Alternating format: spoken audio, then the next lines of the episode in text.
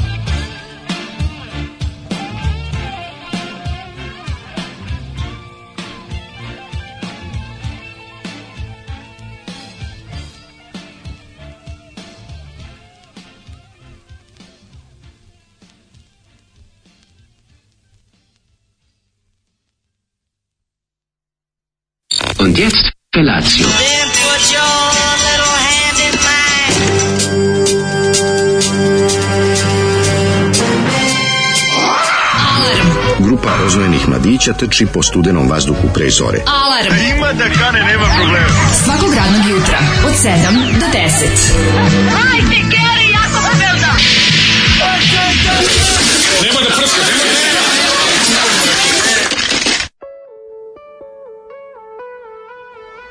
Yeah! Dobro jutro, dobro jutro, dobro jutro. S nama u studiju, s vama u studiju ovoga jutra, popularni Đole Dobro i jutro. manje popularni Daško. I mlađa na porodiljskom. Mlađe na porodiljskom, jeste, imao je težak porođaj. Da, da, da, Juče pa sam se znate čuo sa kako. doktorima, Juče sam se čuo sa doktorima, kažu da je ovaj dobro je podno nažalost, ovaj more zbog carskog reza. To, to, to. Otišlo je malo predaleko, zasekli su mu bradavicu, došlo je do komplikacija, međutim biće sve u redu. Biće Kako ste da- vi kolega? Ja, odlično, odlično. Pravo ti kažem, nisam se ni smrzao nešto, nisam ponao nikakve ono zimske aplikacije, kapa, šal, ništa. I... Morala je kapa jutro, si Ne, ja, dobro, mi, vi ljudi koji da, imate, malo, mi s kosom, da, da. malo ipak to pomaže nama. Jeste, istina je da je ovaj, bolje imati kosu nego nemati kosu u ovim zimskim mesecima. Ali Ovaj, nije strašno, stvarno sad neka blaga zima. Jel ti teško palo, kaži mi. Ustajanje. Da. Pa, Da ne kažem ustaštvo. Teško palo zimsko ustaštvo. Boga mi ovaj put malo teže nego inače, ne znam zašto, nešto sam spavao isprekidan onako nekako, ali dobro, nije, nije strašno. a vidi, sve je bolje od provedene noći na WC šolji. Kao Jel, što je bio moj Ti si slučaj. imao taj Ja sam imao taj WC turizam, da tako kažem. Ovaj, turirao koji se. Odvijao od boga mi momenta. Šta, šta je bilo? Mislim, ispričat ću tužnu priču u narednom nastavku. Bio sam žrtva vlastitog kulinarstva. O tome se radi. Znači, Da, znači, da, jednostavno, da, da. skuvao sam sebi jelo koje mi nije prijelo. Ubacio si bombu. Jeste. Evo, sam kaže, ovaj, inače, što, Zoli nam je pre nego što je otišao, baš pozdravio Mhm. te mnogo, ovaj, nisi ga vidio, ostavio ploču na gramofonu, ti si baš ulazio kad je on kroz prozor odlazio, zato što je Da, rocker. da. Skočio je, video je sad novu foru, skače na bicikl ovaj, kroz Direkt. prozor kao na konja. Da, da, da. To mu je novi fazon i onda beži ovde kroz dvorište. Kaže da je kao Zlatko iz Grive, ovaj, da beži od eh, momaka koji hoće da ga ubiju. Kao u spotu Vojvodina, što si tako ravna. Da, da, da, da. Ostavio nam grupu Legije, njihov fenomenalni singl iz 91. godine Pile moje. Pile moje. Da, Zakačio čuli ste svi, da. evo kaže, o, Jesse Đole kuća stara ne daj se danas, ovako bi zvučale majke kad bi se bare drogirao. ne, ovako bi zvučale bare Kad se ne bi drogirao. Kad se bare ne bi drogirao. E, Zoli da bog ti žbalj e, osnova za supu bio. E, Pilići moji, ako Zoli ovako nastavi, ugasit će se u meni žar da vas slušam. Neće nikada, Zoli samo raspaljuje ovaj, ljubav, ljubav prema nama. Zoli je rovao onaj trash u zagradi đubre metal. To je pravi primjer đubre metala. Uh, taman sam se ponadao da Đarmo upu septičku jamu na putu do studija kad onu 701 zavreba govnjiva žalopojka dobro jutro cisato kamionđije. Usro sam se od početka ove numere, pomislio sam da su vanzemaljci uzurpirali signal da nam saopšte da su došli da nas pobiju i da sledi obavještenje da su Rusi ispalili sve nuklearke koje imaju. Zoli, odličan je rekao. Zoli Crna legio. Crna legija. e, ima i poruka koje se ne tiču Zolija, ovaj, inače pozdravljate puno svi, evo još dve pod, poruke. O- od podrške pozdravljam, stižu. od pozdravljam. Apsolutno. Skoro ste se pitali šta je sada u Dušanovoj 15. Ti kao stari Nišlija, da li znaš šta je u Dušanovoj 15 danas? Ja nisam znao, evo, do malo pre. Aha, tamo se nalazi prostorije Nišvil festivala. Tamo su im kao neki, blizu im je magacinski prostor i nešto još imaju kao festival, ali uglavnom office festivala Nišvil. Da, više, mislim, često tamo prolazim, ali stvarno nisam nikad ni pomislio da Dobro, to je glavna je ulica u 15. Nišu, Pa nije glavno, Pa nije je glavno. jedno to Korzo. Nije, nije, nije. Nije, baš to korzo? Nije, nije. To je onako, ide malo, kako da kažem, Jel saobraćajna? e, jeste, saobraćene, ali nije baš ti glavnih, nije naspada u te bulevare i to. Aha, ja sam mislio to neka, pošto znamo da ima grupa Proces, imala pesmu Dušanova moć, jeste, pa sam mislio to neka njihova kao Dunavska naša. Pa zato što vodi otprilike tamo od Kalče pa ide skroz e, udara u bivšu zgradu TV5, ona ogromna što je bila. A, ja znam samo Da, Bela tako Mi. duguljaste, baš je Samo znam da je David Bellamy, kad nakon što su ga pojeli ljudužderi, se skrasio u Nišu i, otvorio TV. Dobro, sa baš u centru. A, kaže, ovaj, e, slušam emisiju od petka mene kada pitaju, a pričali smo o tome kada rodbina gnjavi kad će dete, kad će ono, znaš, kada, Da, ovaj, da, da, kada da. uvek ima neki, uglavnom su žene žrtve toga, kada, jeste, jeste. kada drkađija i kum govnar napadnu na ovaj. Standardno. Kaže, kada kad pitaju kad će, ja kažem imam HIV i čim se izlečim biće. Da vidite njihov pogled. Ovaj kaže ovako, da gurnem nogu u vrata za glup vic dana, molim Daška da pročita pravom intonacijom, ode onaj e, pevač cr, e, crni da kupi duksericu i kupi crnu. Dođe tako obučen kući, majka ga vidi i pita, pa zašto crni? Crni, crni. Ao, majko mila. Sve E, vreme pokušavam sad, sad da smo, na, sad smo na jako glup vic potrošili kvotu za glup vic. Je, I već u 7.07. Već u 7.07. Stvarno, to je- prerano. Jeste. Ovaj kaže, može li Stanislav Hočevar čestitati uh, Mariji Skyrunnerki srećan rođendan kao i godišnjicu fanatične obsesije Daškovim mlađom? Čestitamo rođen, a kćeri moja, čestitam ti rođendan i da se i dalje baviš sa Skyrunningom i da trčiš po nebu, a ne da trčiš još u nebesa gospodinu. Još dugo, dugo ne trčala gospodinu u nebesima u zagrljaj, draga Marija, na, ma, majko Božija. Marija Magdalena. Da. Um, I kaže ovako, um, prođi ovaj dan debeli pokvarenjak mi ne pročita poruku. Evo sad ti pročita. Ovaj, slušamo The War on Drugs.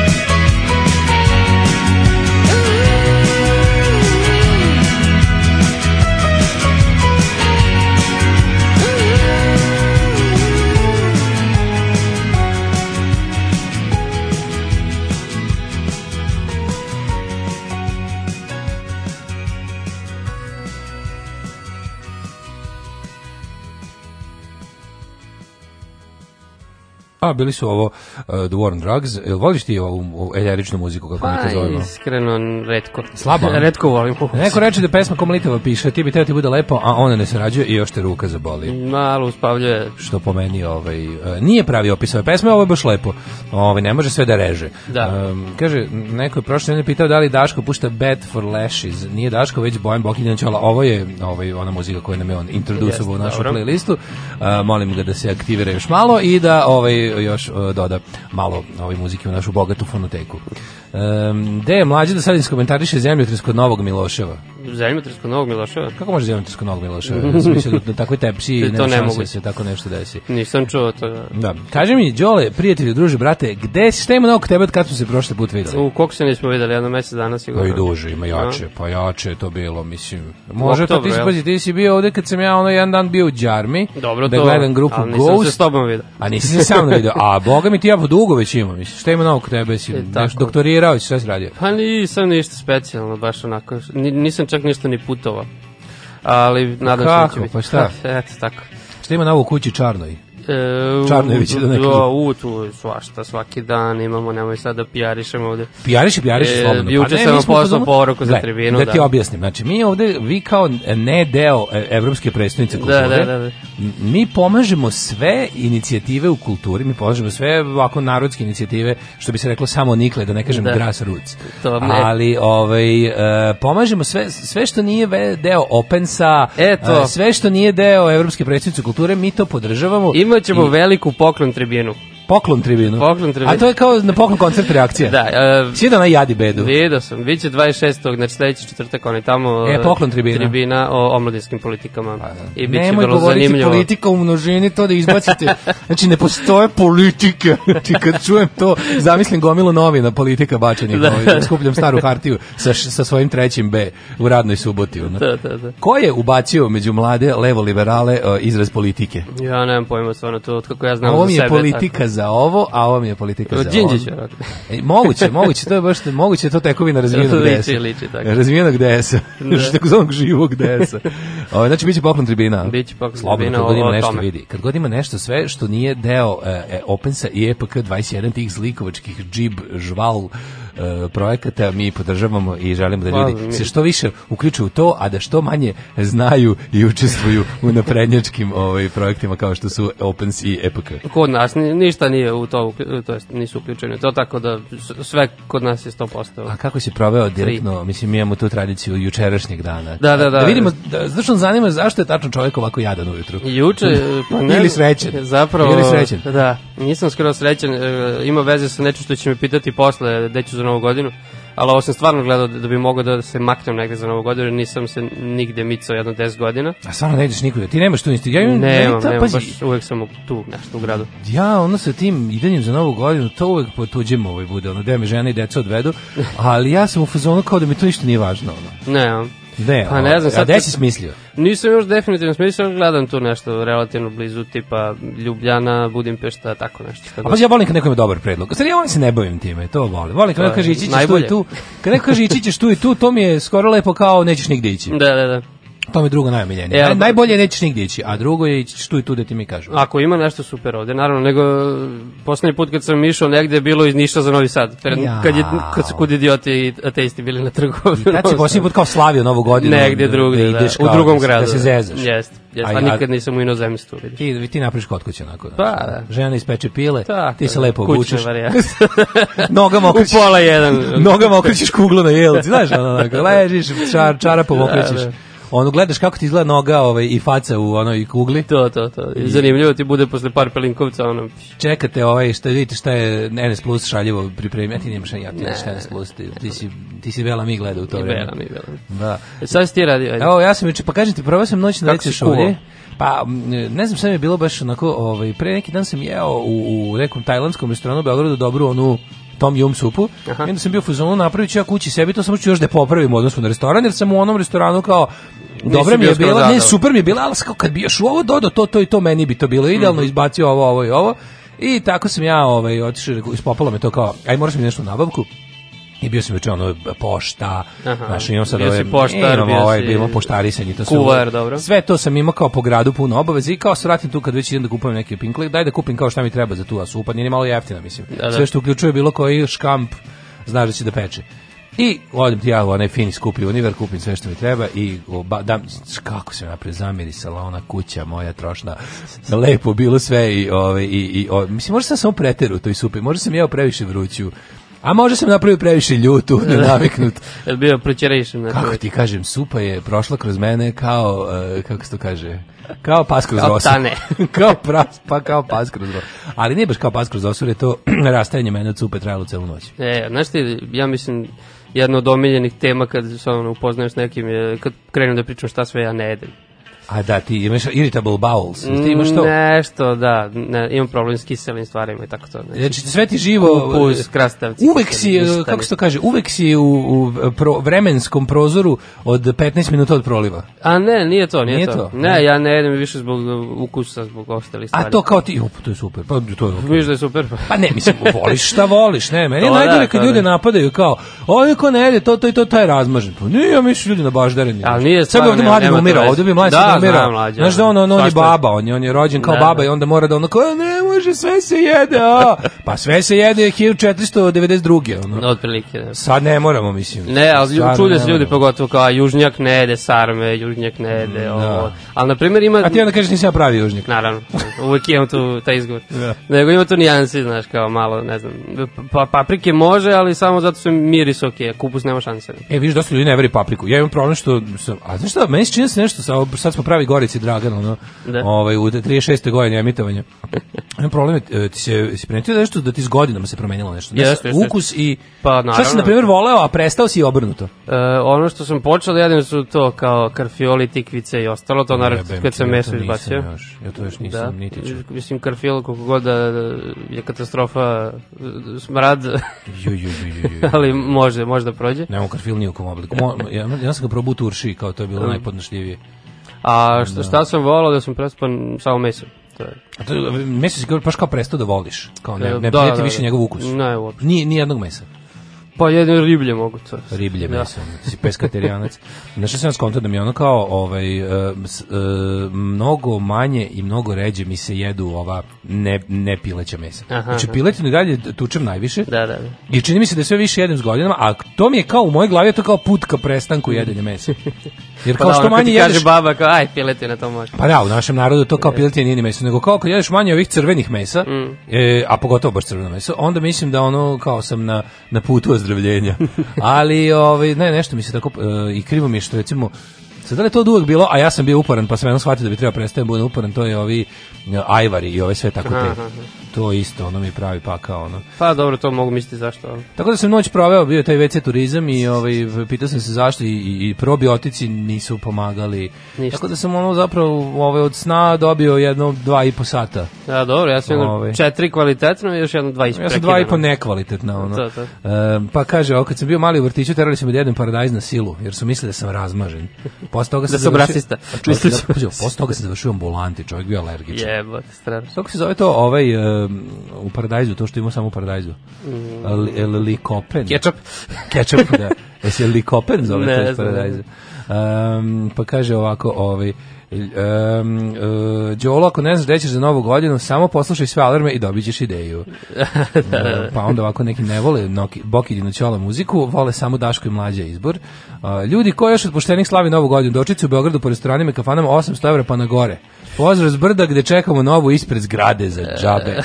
Jel imaš ti u tvom kraju tu Novosadskom instituciju slavljenja E, to nečeg u ima ovde u, kako se zove, Bronx, tu ima oni Božić, mislim da slave. Pa dobro, Da božićarenje, da, neke da li, negde, da li negde postoji institucija slavljenja ove najobičnije prave i jedine nove godine To ovaj, komšijski kako? kvartovskog? Pa znam da su ovi u Nišu nešto radili, oni baš udruženi pokret, preteča neka njihova, da su oni imali to u tom njihovu, to je ulica onako, nije, nije kvart, nisu zgrade, nego je baš kao neka uličica i tu su oni nešto To je pravili. super, ja sam te. Ne znam Ja da li su i novo godine slavili. Meni su te komunalne stvari uvek dobre. To je bilo to, super. to bi trebalo vratiti. Ako, ako nas je to sad, nekako je to bilo skroz riknulo, ako se sećaš, recimo to je kad je propalo sve, ne se ti si bio mali, ali ono kao tako neka 90, 91, kad je sve kao, 90 su još bili normalni, onda je jedno sve propalo tamo negde ovaj, uh, 91. Da. I onda je uh, bilo ništa, i onda se vratilo samo ono što je religiozno. Da, samo 13. januar. Samo se odjednom ja vratio kao to da, da se ljudi kao zajedno, to mi je tako čudno, da su one kao, znaš, sve to kao je bilo varijanta kao, a, kraj socijalizma, nema više ništa, ne, postoji više društvo, ne postoji kolektiv, nema više ono kao, znaš, nije više potrebno, da, Da, nema da. više potrebno da se slušamo i gledamo, to je gotovo, počinje kapitalizam svako za sebe, Ajde. ne poznajemo se, kad stranu. jednom kao, Evo njih nazad opet oko iste flaše rakije, znaš, Da, gori da. neka vatra, ali mora A duhovnost. mora se sankcije. Ali mora duhovnost, Mora kao, ne može, znaš, jedino što je preživjelo sva ta sranja 1. maj. Mm, jeste, jeste. to je to je je ultimativni ono praznik gde se ljudi gledaju u oči. Da, To bi upravo si. to mi malo nedostaje. Ovaj pitaj Đoku koja je razlika između niškog i leskovačkog roštilja. Ima li ga? E, to je neko provocirao i prošli put, ja ne znam zašto. Kad je mlađe bio. Aha, to je zbog toga što je on vegetavijanac i ne zna, jeste. i ne zna to. A možda- možda neka Koliko slaviš, koliko si, u kom si, koji si godin svog uh, vegetarijanstva? Koji pojas Šest- imaš? Šesto, šest, šesta godina. To ti je zeleni pojas. Znači vrtić. Brown pojas. To ti je brown pojas, dobar si. Da, da. A, slušamo Kirsti McCauley i New England blaževno počivšu. Pajkan men, teti gaun. Tilulilu. Mrzim Tinu Ninu. Alarm sa mlađom i Daškom.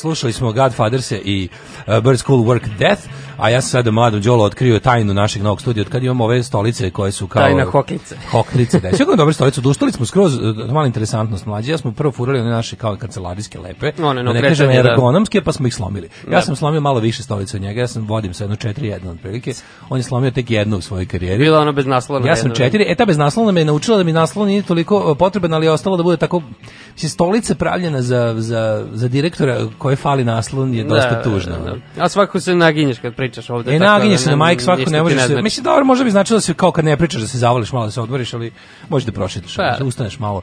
Uglavnom, ovaj, onda smo otkrili da na ovim običnim hoklicama koje smo ovde zatekli sa stanom kad smo ga uzeli, Mhm. da je u stvari baš dobro kad je ovako okreneš da ti špic, jedan od ovaj, krajeva stolice bude između nogu. Jedan krak da ti bude. Jel da je dobro, pa, je tako. pa to je naša tehnika sedenja. tako da ove hoklice, ravne stolice sa ovim e, sa četiri sa ove onako četiri ra- prave noge drvene okrećite tako. To je mala mala ovaj tajne velikih majstora sedenja. To, to, to. I pazi, 7:33 i tek je sad stiglo prvo kukanje, da zašto nema mlađe. Tek sad po dobro. Ovo je, ja mislim, se, mislim da je oboren rekord. Oboren je rekord. Odnosno, p- prihvaćen si kao član kolektiva u da. fulu. Izgleda da je to, to, to. Pazi, znači, a onda će kad se mlađa vrati biti šaljenje da se ti vratiš. Da, da, da. To je jednostavno tako Što funkcioniše. bi rekao Čede Ivanović, ovde postoje sad dva i po voditelja. Vučić, Dačić i ja. Apsolutno, kaže kako naslov nije bitan, Nik Vujčić. Tako da evo, kaže, ovi, ju, ovi puštaju muziku, i čitaju poruke na, i, i traže Springsteena da im potpunimo lošu muziku. Pošto Da, sam- da, da. Da, znači, jedno, znači, tek u 7.32 je izbilo bunjenje. Dobre, dobre. Ovaj, um, Jesam- kaže, nije ni pazi. čudo da, povećano nas, nas malo u slušalicama, Mhm. ovaj, a nije, nije ni čudo da s- Srbi, srbijanac, vegetarianac je morao da ovaj, izbegne iz Niša. Da, da, da. Tražio sam ovaj azil. Je li bio progon tebe i tvoje porodice? E, Stradale su dolazili ovi Ne, išli sa moji su svi normalni, znači ja sam jedini. Ovaj, Ti si izrod jedini. Ja sam jedini izrod, ja sam su- autovao. A jesu, su komšije kad su došli da vas proteraju Kad su i kad su, videli, da. kad su videli da si samo ti izopačen. Da. Jesu imali ovaj, razumevanje, su dopustili njima da ostanu, jel su ono... Da, rekli su, možete ako njega pošaljete, vi možete ostati, nećemo vam ništa. Da li I- si gledao dokumentari now za ove, kako se zove, za Blue Jean Connection? ne. Si gledao dokumentari now? Nisam, ne znam, ti si pričao. ali Koliko nisam. je to dobro. Za pa epizoda Pogledat za. Blue Jean Connection kada su morali da se da beže iz Chicago jer se jer je neko proširio glasio da su vegetarijanci. A, u, moram to Morali su da se preseli u Kaliforniju. Kao pretili su njihovim porodicama, bili su Da, da, da. zaključani u studiju gde je Rulja kao četiri dana pokušao da ih ubije. E, to, I onda to, su kao rezultat toga bili zatvoreni, u, u, zabarikadirani i napisali su svoju najbolju pesmu. e, pa počeli su onom domu B da puštaju kao jedan dokumentarac, jedan mokumentarac, kao, ne znam sad da li uvijek traje. Kao, E pa da, da, ciklus, da, da, da, Dobro da. fora, ono. E kakva je suradnja Crna kuća i Doma B ovih dana? U, Po komšinska. da, da. Pa to je baš komšinska. Biće i oni na Pa toj stvarno 200 tribini omladinskoj. Pa vi ste stvarno 200 metara Pa bukvalno drugih. 200, ovo je sad i Čekaj, Rizom, tu i, je. e, i Rizom je tu Pa blizu. sve, sve pa to je tu. b- ovaj bezmudski trogao. Sveto trojstvo. Sveto trojstvo čovječ. E pa, Da, da, da. antirežimski trogao. Tako je, da. Pa ovo je jako dobro. Inače, za sve vas koji želite malo da se, da, da, da se kulturno uzižete i alternativno izlazite po Novom Sadu, znači, Dom B 612 asteroid, ovaj, kako se zove, Crna kuća Crna kuća i, i Rizom. Rizom. Je li Rizom Rizom zaživeo ili su nešto, oni Pa- imaju stalno malo kašlju. Ono. Ne radi svaki dan, koliko ja znam, bilo je jedno 3-4 puta nedeljno. Mhm, Sad ne znam tačno, još uvek, ali kod njih je onako super možete na neki ja sam- after party. Da, ja sam jednom ovaj, proverio i baš je bilo onako dosta kasno, pa sam bio u fazonu, a trebaš malo razraditi. Da, da, da. Ali dobro, ovaj, ali pazi, vi, oni, svi ste, što toga, svi ste, svi ste opens free. Da, I EPK, EPK 21 free. totalno, da. Dobro, ja malo možda gnjavim s tim bojkotom, ali mislim da je to jako važno. Pa dobro, Opens gotovo, nema više, evo, zvanično smo predali ključeve. E, kreću ovi, kako se zove, uh, nismo, nego su, da se razumemo. Da, da, da, da. Ko je predao? Dubioza kolektiv. Novi Sada. Dubioza kolektiv predao. Juče, E, sam ja tebi pričao kad sam, kad sad idemo u istoriju, zar ne? E, još malo sad ćemo krenemo, nego A, samo kažem ovako, ovaj, ne treba praviti decu. Evo, ustane malo, pa ne treba više, onda čovjek odsustuje s posla, ne može da dođe Ne, radi ne s da posla koji voli. E, Evo, ustaje malo ranije da mogu da odigram 45 minuta video igre pre posla, a mala prokletnja se probudi, sve mi pokvari. Sad moram i vas da slušam. Tuga, Ovaj, tuga. Odrekli su ga se ritualnim klanjem 29. novembra, to mislim na tebe. Ne, ne, ne. E, ja ću, za, evo vidi, evo pogledaj, znači tačno kada krene ova prozivka da su kasno počeli da zakeraju, Da, stigne, stigne četiri poruke e, koje glase naravno da sta, najstarija poruka za trpanje nas je vratite srđana. To je najstarija Da, da, poruka da. za trpanje Daške mlađe koja postoji ovaj. To je sad tiha većina se budi To sada. je, već se ustaju ovih da, Da. ti kao, i polako vade ruke iz gaće. Zemlja 33,2 Richter, epicentar Kikinda, noće su oko 1 sat. Pa? 3,2 ulje. 3,2, pa čekaj, to se osetilo. To se osetilo. To se osetilo. Čekaj, u Novom Miloševu kaže. Kikinda, ep- epicentar zemlje. Epicentar. Ja sam mislio, ja sam stvarno mislio da to nije moguće. Da, Banat, to mislim, stvarno, sad možda nikad ja to. nisam pazio na času ili šta. Da, da, da, da. Ali sam mislio da stvarno nije moguće da da ovaj zemljotres bude. Što mi izgleda to da je to što se desilo tamo kod Albanije. Mhm, da je to moru, pomerilo, da- jeste. Da je to pomerilo celu ovu priču je neki čiče se Ne, mog- Albanci šta rade, znači. To, Ne, dokle će više, brate, ono... ne znam, da li mi, da li, ovaj, da li srpski nacionalisti Albanci iz Albanije zovu šiptarima ili samo s Kosova? Vidiš, ne sam. Mislim čuo- da da. sam mislim da ima da kao da. razlike, znaš kao. Najnovija srp, na, na, nova srpska politička kretenska misao je je ovaj da je kao samo s Kosova su šiptari. Ja, da, da. To je sad novo kao da znaš pošto Ovi kao- proterani iz Albanije. i, i, i kao i da znaš da ovi iz Albanije ne vole ove s Kosova, a vole nas. E, Srbe. jeste, jeste, jeste. To Ja sam to čuo. To je sad novo. Ovaj autoput i zemljotres u Banatu nisu mogući. Ja stvarno je. Ovaj novi tu sad ekstra biće hip hop band iz Niš i neće biti mađarski pički. Ja. Idemo u prošlost pa da mi pričaš. Ajde.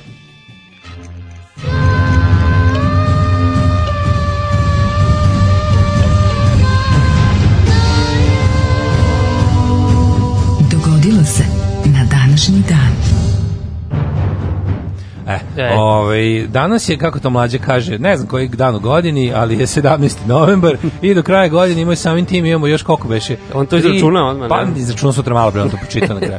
Do kraja godine ima... a, dve nedelje. Dve, tačno dve nedelje. Tačno, dve nedelje. Tako, 14 dana ima. Pa kraja. A, ja, pa novo godine će biti neki, u ponedjeljak, ponedjeljak, utorak, šta? Šta, pa da. Utorak ne, na sredu. ko sad, utorak na sredu. Da, da. Utorak na sredu će da biti. Je. Jeste. Ove, I ostalo još malo i da te pitam, gde ćeš za novu godinu?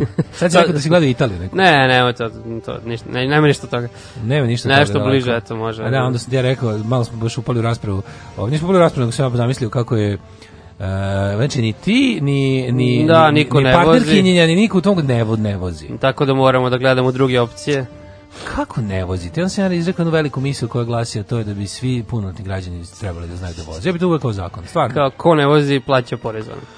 Pa da, može. Kao bedroom techno, znaš ono što postoje da, u, u nakaradnim državama. U mojoj nakaradnoj državi bi Ne, se ono- ovaj, moralo znati da vozi. Ne moraš da imaš auto, Da, da, da, razumem, Ne moraš razumem da ja voziš. poentu, razumem poentu. Da. ali bi to bio nešto kao ono nauči da voziš. jebi kao ga. predvojnička obuka, E, tako. ovo je sad nauči da konkretnije voziš. više korist. Baš to, nauči da voziš. Pa ništa, eto možemo u Kikindu da idemo čisto kao podrška. Zato što misliš da neće grom dva puta? Pa da, da da vidimo bi- kako se, da, da se malo obnovimo, da vidimo kako. Znaš da u bici, ono kad gruva artiljerija, kad vidiš da je negdje već pala ova minobacačka granata, tu kao zakucaš, jer ovi A, da, stalno pa pomeraju da. minobacač. Pa logično, to je. A, moja istorija počinje 497. Ne, a E, vaša a kolega... sam, sam ja da bi pričao kad sam menjao jednog istoričara, drugog jednog istoričara. Gde koji si mlađi. menjao istoričara? U Oš Žarko Zrenjanin. U, Žarko Zrenjanin. pet godine. Čekaj, to je bila praksa ili si bio na... E, pa ja se prijavio za praksu i nisu me ono primili, trebala veze za praksu. Da. I onda, recimo, godinu dana kasnije... ostao negde zapisan. Da, ja krenem kao u poštu, ima pored mala pošta, ja krenem da platim račune ujutro ovako u 9 sati recimo, ne, još gore ne obrija nego sad, zvoni mi Mhm. Ti si telefon. ovo kao neobrijen. Da. Sad će se ubiti, o, majko mila. Zvoni mi telefon i kao, uh, mi smo iz uh, Žarko Zrenjanin, Mm, treba nam hitno zamena za Tipa, istorij- dođite odmah. Imamo vaše podatke, možete da dođete kao što pre, kao u toku dana. Uje. Ja gledam školu, vidim ovako školu s leve strane, s desne strane pošta i ja rekao mogu da dođemo odmah. I ti kažeš. I odem i dođe direktor i kaže da, da, da, da, da, e, treba danas tri časa, bolestan je ovaj, bar jednu nedelju dana neće biti tu, ako može, može. Ja rekao, kaže, posle podne kao, znaš, i odem u zbornicu da mi on pokaže gde je šta. Da. Odeš u bolnicu da kupiš nešto preko kod one što donosi Avon. Da, da, da. Odeš na brzinu, Da da odradi ode, sve. ode, kupi Da knjige, se od uklopim u kolektiv. Se u kolektiv, donesem kafu. Ne, nego direktor kaže, gleda onu tablu i kaže, a da, mi smo promenili smene, sad moraš odmah da ideš na čas za 10 minuta. Carski. I ja sam ulicu držao 3, 3 časa. Kako? I, I odmah si ušao u Sreće, pa nisam bio u trainđi. Koja je, ne, veze, to bi moglo. Ali kaži mi koja je ovaj, um, koja se razredimo? Koja se E, razredimo i koja se, šta se radilo? Šesti i sedmi, ovaj, e, znam taj, ta prva tri časa smo Napoleona radili Napoleona vratove, Ti to iz tako da je bilo, da je bilo nešto grđe, stvarno ne znam kako bi to improvizovao. A ovog se sećaš? Pa bilo je, Koja je tvoja omiljena? ali- Koji je tvoj period omiljeni? Ko- koji je omiljeni rat? Ajde, koji ti je omiljeni rat, da? Koji ti je omiljeni ljudsko masovno ubijanje? E, pa ja sam ovaj, za diplomski izabrao krimski rat. Pa to je skoro to. To je, da, Da. to je 19. Mislim, sredina 19, 19. to je, to, to je isto ratovanje, iste vrste ratovanja. Ove, 497. počinje moja istorija danas. Isto. Izvolite. E, Hram na rimskom forumu posvećen Bogu Saturnu, e, godišnjica ovog događaja se obeležava kao Saturnalije. Saturnalije, ja sam ovo zapamtio za sva vremena, jer je to bilo pitanje koje je koštalo moju ekipu na pub kvizu pobede, A. koju im tada nisam doneo. Nikad to neće Nisam sebi čuo za oprostiti. Saturnalije. Da, Da, da. Bilo je strašno, znači a ovaj iz druge ekipe je znao. Znači, kako se zove, pa, kako se zovu, e, ne znam, svečanosti u današnjem mesecu, decembru, uh, i ja rekao... A uvek ima neki taj što Ja rekao, to. bahanalije, šta za drugi nisam ni čuo. Zato, pa slično je. Samo sam za to čuo i kaže ovaj drugi Saturnalije. Kad je rekao Saturnalije, rekao garant je u pravu mamu, mu pametnije zvuči Saturnalije nego Bahanalije. A i drugo, znaš da onda sam bio kao Bahanalije, šta ja lupetam? To je garant neka golotinja, to je moglo samo leti. Pa da. U stvari nije ni bilo, nije ni bilo vezano valjda za Da, datum, nego bilo kad god. Ono. Ovaj, sledeće mi je tek 1531. Isto. E, po naređenju pape Klementa VII. E, u portugalskoj predstavnici Lisabonu ustanovljena Oh, inkvizicija. here comes the Spanish Inquisition. Ne, ovo je Portuguese Inquisition. Čekaj, stani, stani, stani, jedno pitanje. Pa to isto.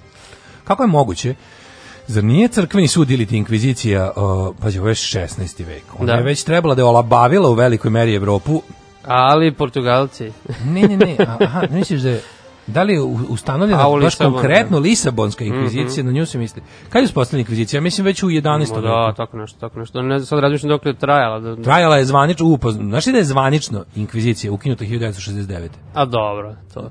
To je zvanično. Zvanično. A poslednji... Da, poslednji- zapravo mi zamišljamo inkviziciju samo kao ono, mučenje i ostalo. A, pa inkvizicija je bilo kao vrsta crkvenog suda, Da, gde crkva da. pretenduje da sudi svima. to, to, Da to. je crkva naveće svoj stav koji ti moraš da poštuješ i ako ga ne poštuješ kriv si. Da, a ne samo svojima kao da sudi. Ne samo svoje, ne, ne, crkva u fazonu se nije pomirila s time da ona nema ingerenciju nad svim ljudima na svetu, No, monopol, nego da. samo nad onima koji na to pristanu. Da.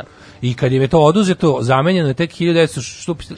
69. uglavnom papa tadašnji je zamenio, to se zamenio je kongregacijom za doktrinu vere, Mhm. koja i dan nas postoji i ovaj prethodni papa, ovaj naci papa, ovaj Ratzinger, Ratzinger. koji je by the way još živel, tako on je umro. Mislim da da, on se samo povukao. Da. Šta te radi sad? Šta radi sada? Pa te znam, što bi... Znaš šta što bi sada? znao? Šta u 7 i 44 danas radi taj čovjek? Pa moli se. To si, ja se to često pitam, šta kao poznati ljudi rade u trenutku kad ja recimo Kenjam. Aha, aha, da, da. Kao šta sad radi? Računaš i Šta vreme. radi svoje, Magic. Johnson kao dok ja to tako Pa on- on sad spava sigurno, Ili papa ili tako nešto. A ne, u stvari Magic bi mogao i da Uglavnom oni su od nekoga na smrt osudili sproveli to uh, poslednji put ja mislim u Evropi negde u sredinom 19. veka. Mhm. Tako da je radilo, radili su oni koliko su mogli. 1538. Opet papa. Papa Pavle III iz Rimokatoličke crkve isključio engleskog kralja Henrija VIII. Jest. On se pre toga proglasio za poglavara Anglikanske crkve. To je Jeste. poznat slučaj. E sad to je ostalo tada. Anglikanska crkva kad je osnovana, ona je dosta ovako, pošto oni nisu imali tad, Anglikanska crkva to se smatra se protestantskom crkvom naravno, ali Da, da. oni nisu baš bili ono u tom trenutku kad su osnivali, to je pošto bio više inat vladara. Da, da, pa nisu baš bili da baš se odvoji. nešto, nisu bili baš mnogo upućeni jel u to šta je protestantizam. pa su onda meni su su ostali sva ta imena klera i to sve sve ostalo katka, vatikanski. Da, nomenklatura je ostala katolička. Naš i dalje je biskup tamo, ovaj, nadbiskup je glavni. Jeste, jeste. A poglavar, jedino što su smislili da poglavar države bude ujedno poglavar i da, crkve. da. Da. Dobro. 1583. Vojska Ernesta Bavarskog je u Kelskom ratu porazila vojsku Gebhard von Waldburga u opsadi Godesberga. Ovo ne znaš Apsolutno ništa, ne, ne, ne znaš ni zemlja koja je. Sve sam čuo, pa ovo su neke germanske, ali samo da, rat i to, ali nema predstavlja. 1903. Braća Wilbur, Wilbur i Orville Wright izvela prvi uspešan let avionom u istoriji vazduhoplovstva. Znači, vla, Flyer One, to je Pa bila prva, ovaj, em, kako se to kaže, prva mašina teža od vazduha pogonjena motorom, Koja je letala? koja je leta na ljudski pogon. Devet- jel, koja- 59 sekundi. 59 sekundi. Da. To je bilo u Severnoj Karolini- u mestu Kitty Hawk. Da, ali koliko su imali neuspešnih pre toga, to je E, pa, zanimljivo. dobro, oni su imali, znaš šta, oni su, ovaj, ne znam koliko su oni konkretno bili neuspešni pokušali. Da, bilo je nekoliko Urazili, tih Ali, pazi, Fanatika ljudi, što su tad Znaš, pokušavali. od momenta kada je izmišljen, pazi, samo za tih deseta godina koliko je postojao film, a nije postojao avion, Mhm. ti imaš ono gomilu uh, zabelež, zabeleženih tih, znaš ti likovi, to su uglavnom bili neki malo bogatiji ljudi, I ti malo, koji su bili fanatici. malo luđi. Mm. I onda imaš ono, mislim, mislim da ti prvi, ne mogu kažem snaf filmovi, ali filmovi na kojima je otprilike zabeležena nečija smrt, to je jako brzo nastalo, a mislim da su prvi filmovi u kojima je neko dokumentarno zabeležio nečiju smrt bili filmovi gde je neko ovaj, Moguće. zvao filmsku ekipu da ga snimi kako pomoći. Da, da, da, da, da. Pa je tu bilo raznih padanja. Lik su- Ima Zoran Modli super onu knjigu. E, ja imam tu letenju, knjigu. Pa da, tu ima, ja, čekaj, imam tu, da obožavam, Vinci, ono, obožavam tu knjigu. To je odlično, da. Tu knjigu sam naručio preko politiknog zabavnika kad sam bio klinac. Ja, ne, meni to od Ćaleta nešto nasleđa. Jo, kako se to zvalo? jo, zvalo Sad, nešto... Možda mi je čak i ovde sad ta knjiga, nisam siguran. Pogledaj. Ja, ne, nije začetnici avijacije, to je ono iz kompleta. Kako sam volio, imao, imao komplet ovaj, za, onaj pakao iz vazduha, začetnici avijacije, Nisam, savremeni ikari, komplet ratna krila i kako se zvalo? Savremeni. Savremeni ikari. To je, da.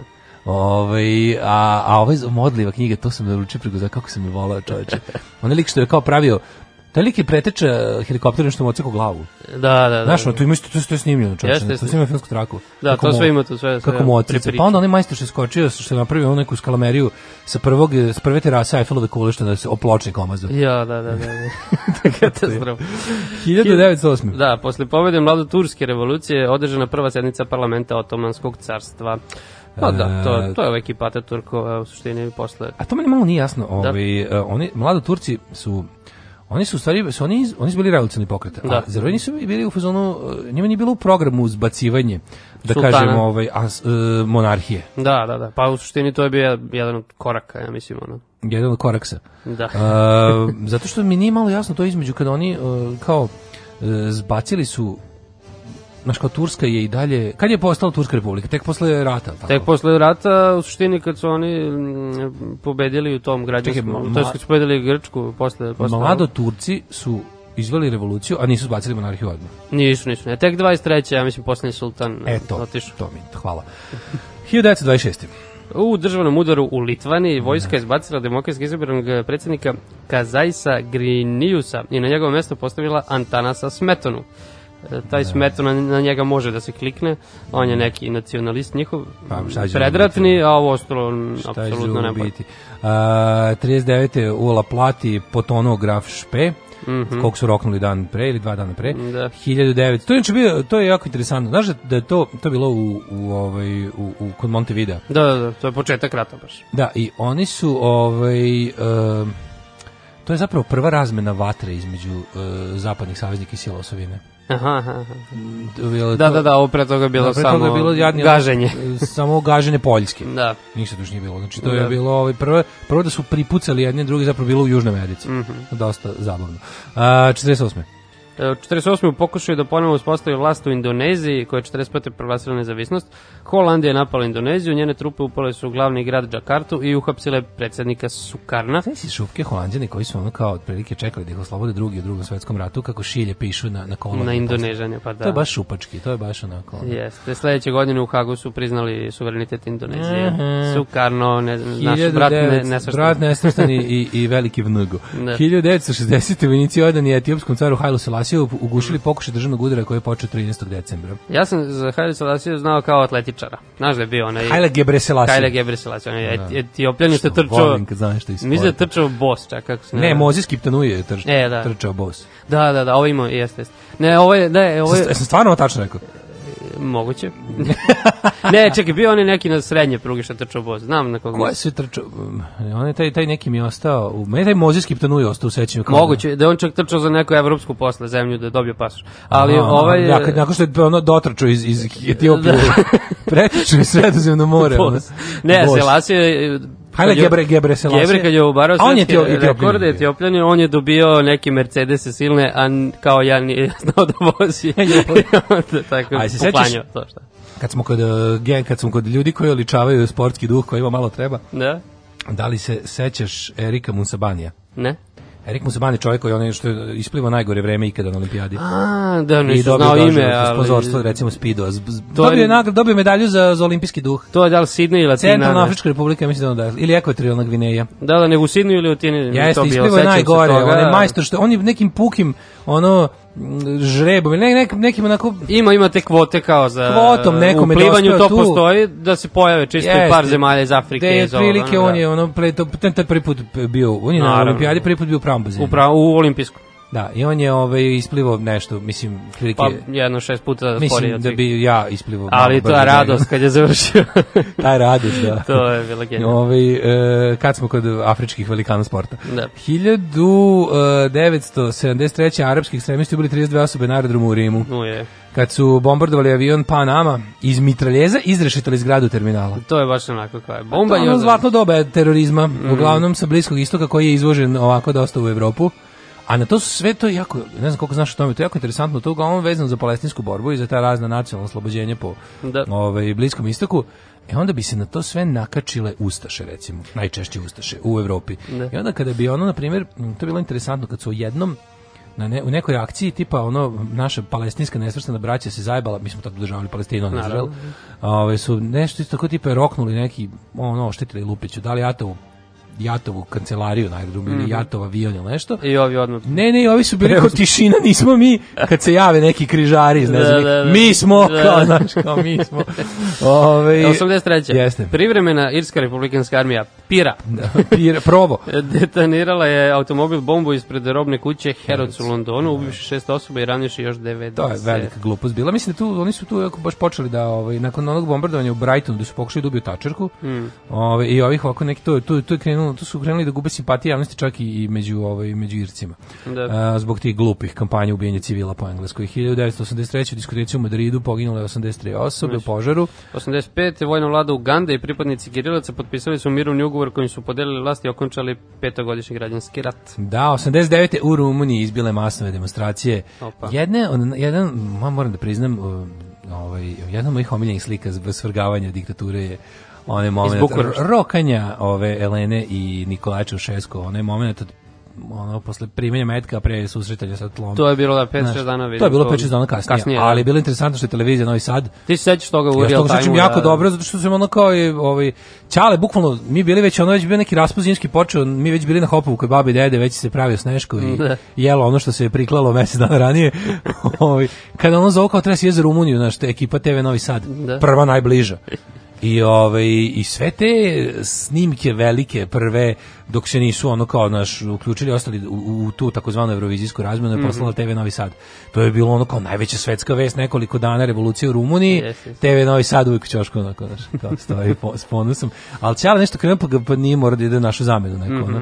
Mogu da bude deo istorije. Mhm. Da. Ali on ima već istoriju odlaska u, u Rumuniju ovaj, nesrećnog, pa mu se nije išlo nazad. A, to ću ti ispred, pričati drugom. Ovaj, Iste godine, prva da. epizoda Simpsonovih. Uh, Simpsons uh, roasting uh, on an open O fire. Simpsons Roasting on an Open Fire. To je prva epizoda. Gledao sam je 30 skoro ponovo. I ja sam na Foxu. Vam Kad idu kod onog psihijatra, Uh, onog je onako kad su reckamo nacrtani i onako mrdaju se loše animacija. Aha, nešto staro si gledao. Pa prvo tu sam gledao, baš tu. Aha, sorry, da. Kad idu kod onog doktor Marvin, kako se zove onaj doktor Marvin, psih, kao Springfieldski psih, psihijatar. Da, da, da, morat ću da obravim te prve sezone. Pa se peku onim elektrošokovima.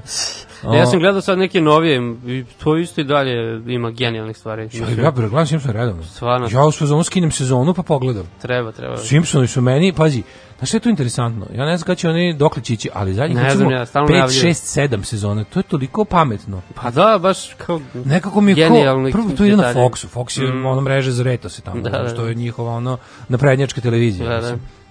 I sad kao, to ide tamo. Drugo, to je toliko nekako ono, u, u- doba ono, jel, ono poticanje idiotizma i, i, i gluposti, znaš, ovo je baš onako za, za pametnjaković i sve je nekako pametnije i pametnije. Jeste. Možda ne znam kako to korespondira sa savremenom TV Kako publikom svetskom, da. E, na izborima u Haitiju pobedio Jean Bertrand Aristide 90. Mhm. A, 91.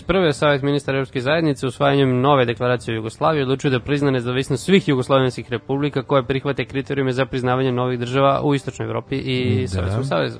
U 92. Skupština Republike Srpske na Palama izabrala Radovana Karadžića za predsjednika Republike Srpske. Jako ste se usrećili i dan danas, Mhm. Da, dan danas vam je, da, dobro, vam je dobro od toga. I, A, po- pa povezano s tim, 95. vođa delegacije Republike Srpske na mirovnim pregovorima u Dejtonu, Slobodan Milošević, E, odbio. da poslanicima Skupštine RS podnese izveštaj o mirovnim pregovorima. Ovo Rekao je, podsjeća malo. Boli me dupe. Tako, To što sam vas složio pre tri godine sam vas složio, a sada me zabole dupe. tako će i Vučić sad kad, u pregovorima o Kosovu. Jeste. Pa to ne, nema šta da im podnosim. Da. A, 96. Mhm. Uh, gerilci Tupac Amaru pokreta zauzeli Šakur. japansku ambasadu u Limi. Šupak Amaru, Tupac Amaru, Tupamaru si tako zvani. Uh, zapretili će pobiti 490 talaca ako ne oslobode i zatvore 300 pripadnika ovog pokreta.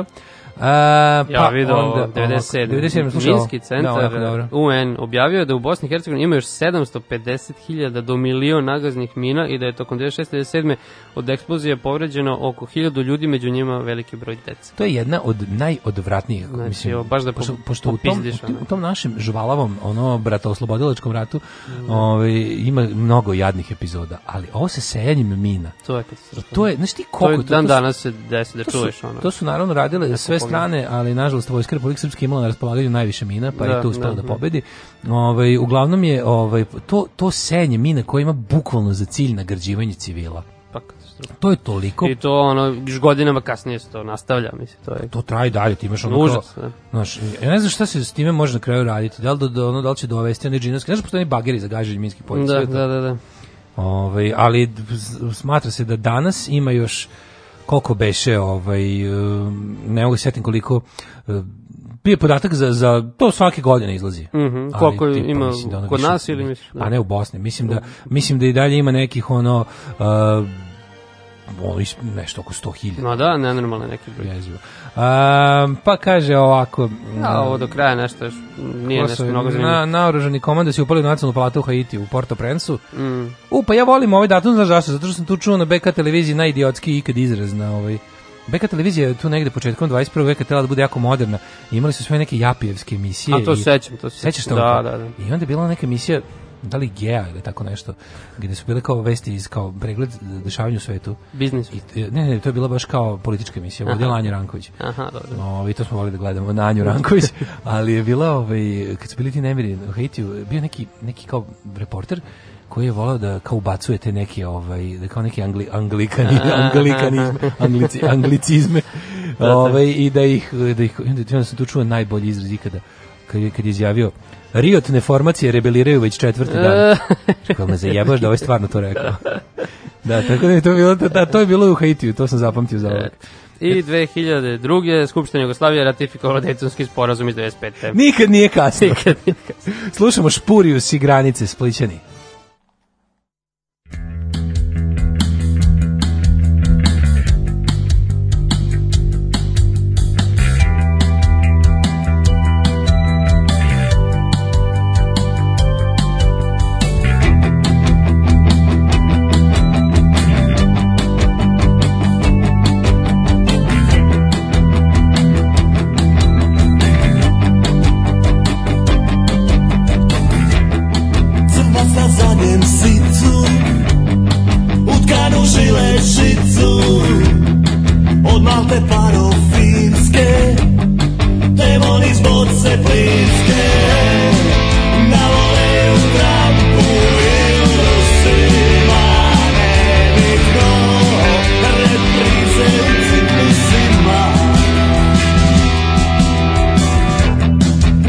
Ladireni kula s prosjekom od 2-0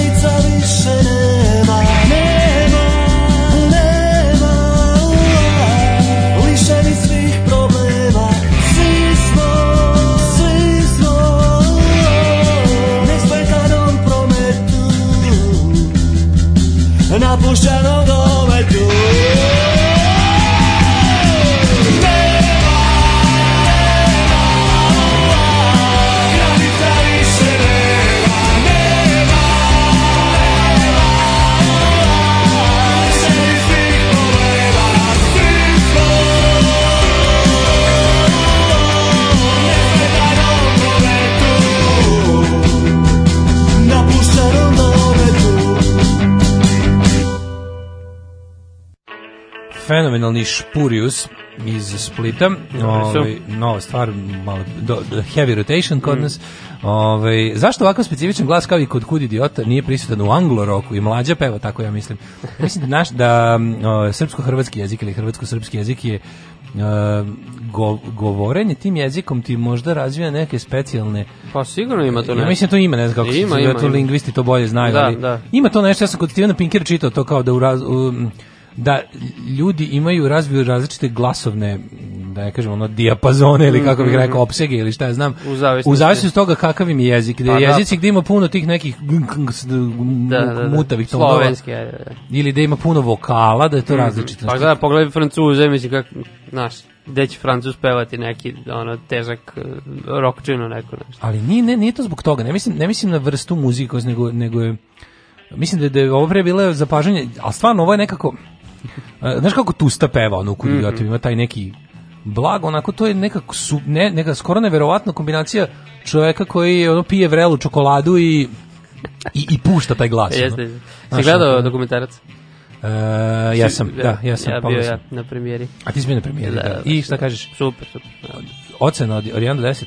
A sad od 1 do 10, dobro, nije baš desetka. A ali- meni je sedmica i to ne baš jako. Ajde, sedmica. osmica nek bude. Ajde, veliko Lepo Da, lepo. mislim, volim što postoji, ali Da, da. da, da. Ove, um, ne, nego ko što se tiče tih glasova, znaš kao, Da, da, da, da. znaš ko možda ima malo taj tako naj, naj, naj, ali ne opet na drugu stranu, ali, ali dosta jedinstven glas ima Morris, ima taj malo, onako kao, ali ga, ali ga može pustiti, ono, znaš. Mhm. E sad ovi kao naši pevači ti, to, kao što smo ovo čuli i tu ste i, imaju malo taj kao neki, kao da nešto, znaš, jeste malo, nije, nije to nazalno, ali je nekako, Rade nešto s ustima d- ne, dok peva. ali ne, to je prirodno, nije to, nemaš Pa šta da da. radiš, to ti je zbog toga što govoriš taj jezik koji Da, nego govoriš. tako zvuči, mislim. Kao I da- onda kad zapevaš na tome, Kao da radi još nešto. super, meni je to super naravno.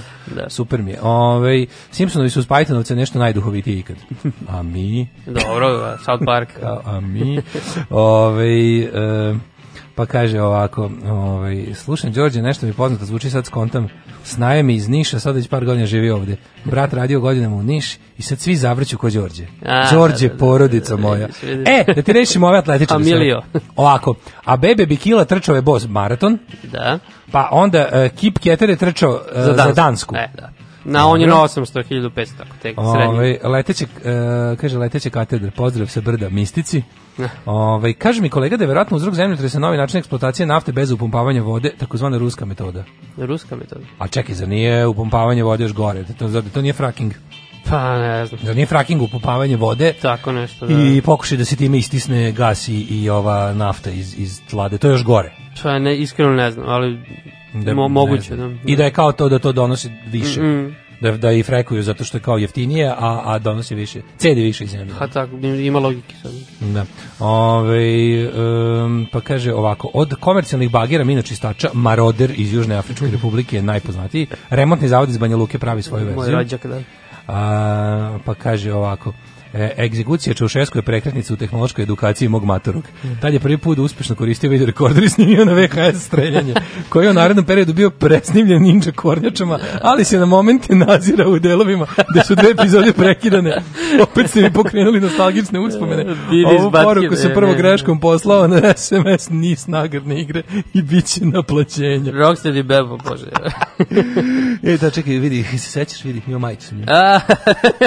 Eto, ja pomenu Rocksteady Bebo, Daško mi pokaže majicu. Ima majicu sa E, bibopom i rocksteadyjem. Kakav je to Da. telepatija. E, kaže, ne mogu da verujem, baš sam mislila na ovu pesmu, čula sam je kod vas skoro, ovo što smo malo prepustili. Šta radi ribar pedofil iz Splita na rivi? Baca u dicu. Dobro, ovo je kvota dobro, loših fazona za danas premašena. Premašena, dobro. Ove, e, kaže, Sloba potegu skivi i predao federaciji jednu četvrt teritorije, očajni vojnici s te teritorije spalili dnevnike i mape mina. Ova su pametni, nisi to mislim. Ne, A ne. to je neljudski, to je, to je, to je, to je, kako ti kažem, to je ratni zločin. To je. To je rako ih je. Pazi, ako je bilo, ja kapiram da u tako jednom žvalavom sukobu gde, gde, gde ono kao imaš te ad hoc vojske koje predvode razni lokalni ono Narkani? narkani i, i ti ono warlordovi odnosno šverceri nafte i, i vlasnici ono kafića i videoklubova tu je tu nemaš, znaš, ono ni, ako, ako najviše mrzim kad se uopšte priča o oficirskoj časti i, i doktrini, ali, znaš, ono čak i to malo nekakvog pravilnog i, i, i, i po običajima rata, ratovanja, ode kroz prozor. Da. Garant je posađeno gomila mina bez toga što kažeš mape mina, a onda to Užas, užas. uništavanje mape mina je tek šupačko, ono, u svakom Stvarno. slučaju. Ove, gdje imamo rođene? Ajmo, Ajde.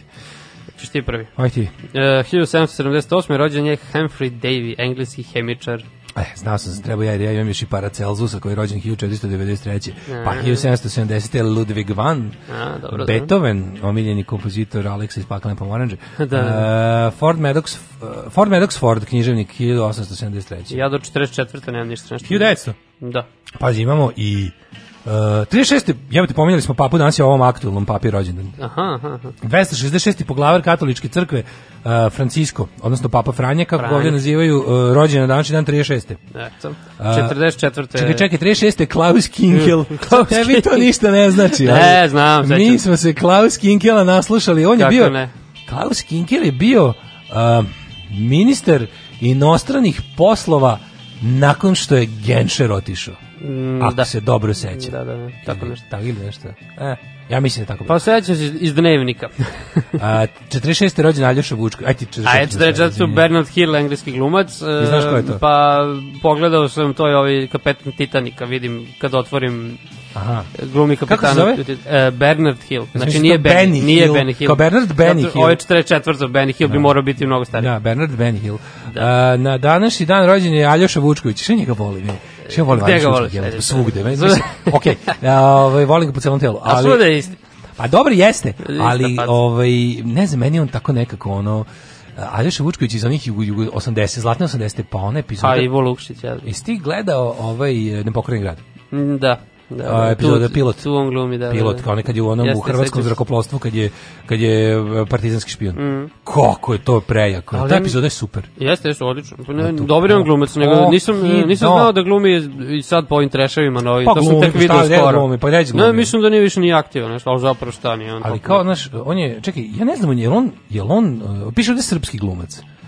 Da, ja sam njega uvek vezivao kao za neku... Za Dalmaciju. on uopšte iz Dalmacije. Ja Pa, ne znam piše njemu ništa. Ja o njegovom privatnom životu ne znam E, ništa. Pa ne znam, jedino da otvorimo, nemam pojma, stvarno ne znam. To bi moja keva sad znala sigurno. Recimo Severina isto Piše Vučković. rođen u Buzetu, E, Buzet Istra. gradu Hrvatskoj Istarskoj županiji. Pa dobro je Istra, znaš što. On je iz Buzeta. A jugoslovenski glumac. Buzetu su ti o, nalazište tartufa najveće, može čak i u Evropi. E, eto. Tamo je iskopan najveći tartuf ikada. Stvarno, Ter, skoro 3 kila ima, ja ga video.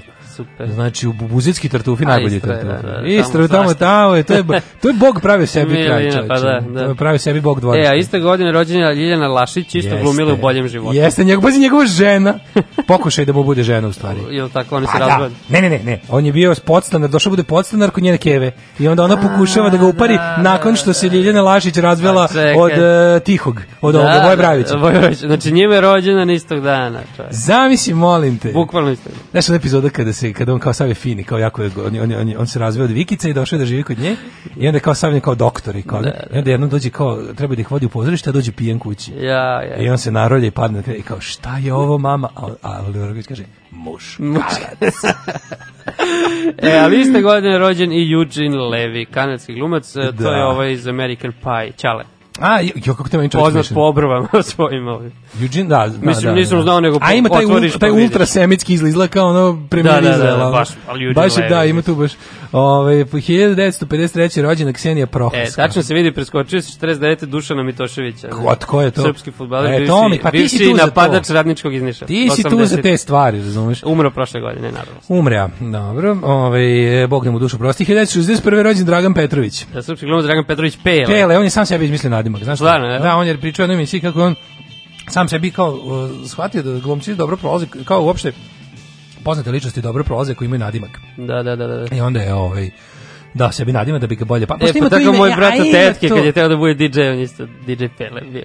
Ja, Srednja škola i ja, tako. ja, kako je ovo bilo slatko, mogu ti reći. Ali je, ovaj, na, sam sebi dati nadimak je dosta onako. Jeste. Ja njega tako uvijek sam zamišljao kao nekog serijskog. Ima neki nadimak koji nije ono, log, tipa- Vezan za ime, ne. Da, nisi. Ne, baš Da, ne. Nije, nisi. Žao mi je bilo. Mislim, moje ime već zvuči kao nadimak. Pa, Pa da, kod Mislim, tebe kad ja imam kao nadimak da, A i- dale. Dale, da, mislim, da. Pa dobro, moje ime je takvo da ono... Totalno bespotrebno. Baš vuče na nadimke. Da. A, 1969. rođen je Mario Mirković. Čekaj, ne, ne možeš da preskočiš najbolju našu sportiskinju, najtrofejniju 20. veka. Ja, A, jasno Oli- Šekarić. Oliveru Jevtić. Ne, ja. Jasno Šekarić. Jasna Šekarić. 65. Znači 56. 65. godište, a Da. ona je naša najtrofejnija sportiskinja. jel Da, da, da. Da, ona ne vadi pištolj bez medalja. Mm, Da, da. Pa dobro, sad. Ona kad izvadi, Ali to je medalja. Koliko je 30 godina na, na sceni, što se kaže. Pa jeste, brate, imaš i te neki, ja sam mislim da nam je Olivera Jeftić to, ono. Ma A dobro, ne nam trči za sendvič. Ne, ne, ne. Meni izgleda je- kao da trči da bi klopala, da bi da jedu. Pa svi maratonci tako izgleda. Ali ona mi baš izgleda, Olivera Jeftić mi nje uvijek kad Je. gledao, kao nje je žao uvijek bilo kao je. Izmučena je, da. Ona je baš izgleda kao što radiš ovo ženo. Mm. Kod neko ter, ali nije. Mislim, nije.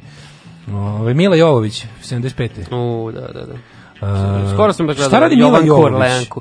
Pa glumi video se glumi sve po tim neki kao akcije neke, nešto što ja ne gledam. Inače, Nije valjda spala na taj neki ono Skoro Vin, sam Vin Dieselovštinu, da. taj neki direct to video bugarski. Slava, a? slava. Mislim, Jovan Korlenka bilo skoro "Aj, baš da je vidim na IMDB šta ima. Da. I sve nešto A što nisam postoji to gledao. neko već pravilo kod tih nekih glumaca i reditelja koji su tako e, iz Evrope pokušali okušali su u Hollywoodu pa imali jedan do dva Mhm. e, uspešni ili, ili, ili su odmah nešto kiksali u Hollywoodu da bi da obično padnu na taj neki Da, da. B evropski. Pa ovaj. dobro, ali nije ni to loše, mislim, finansijski. E, iste Finansijski, godine rođen da Oni baš e, riknjavaju od posla. Nemanja Kojić Kojac, Jeste.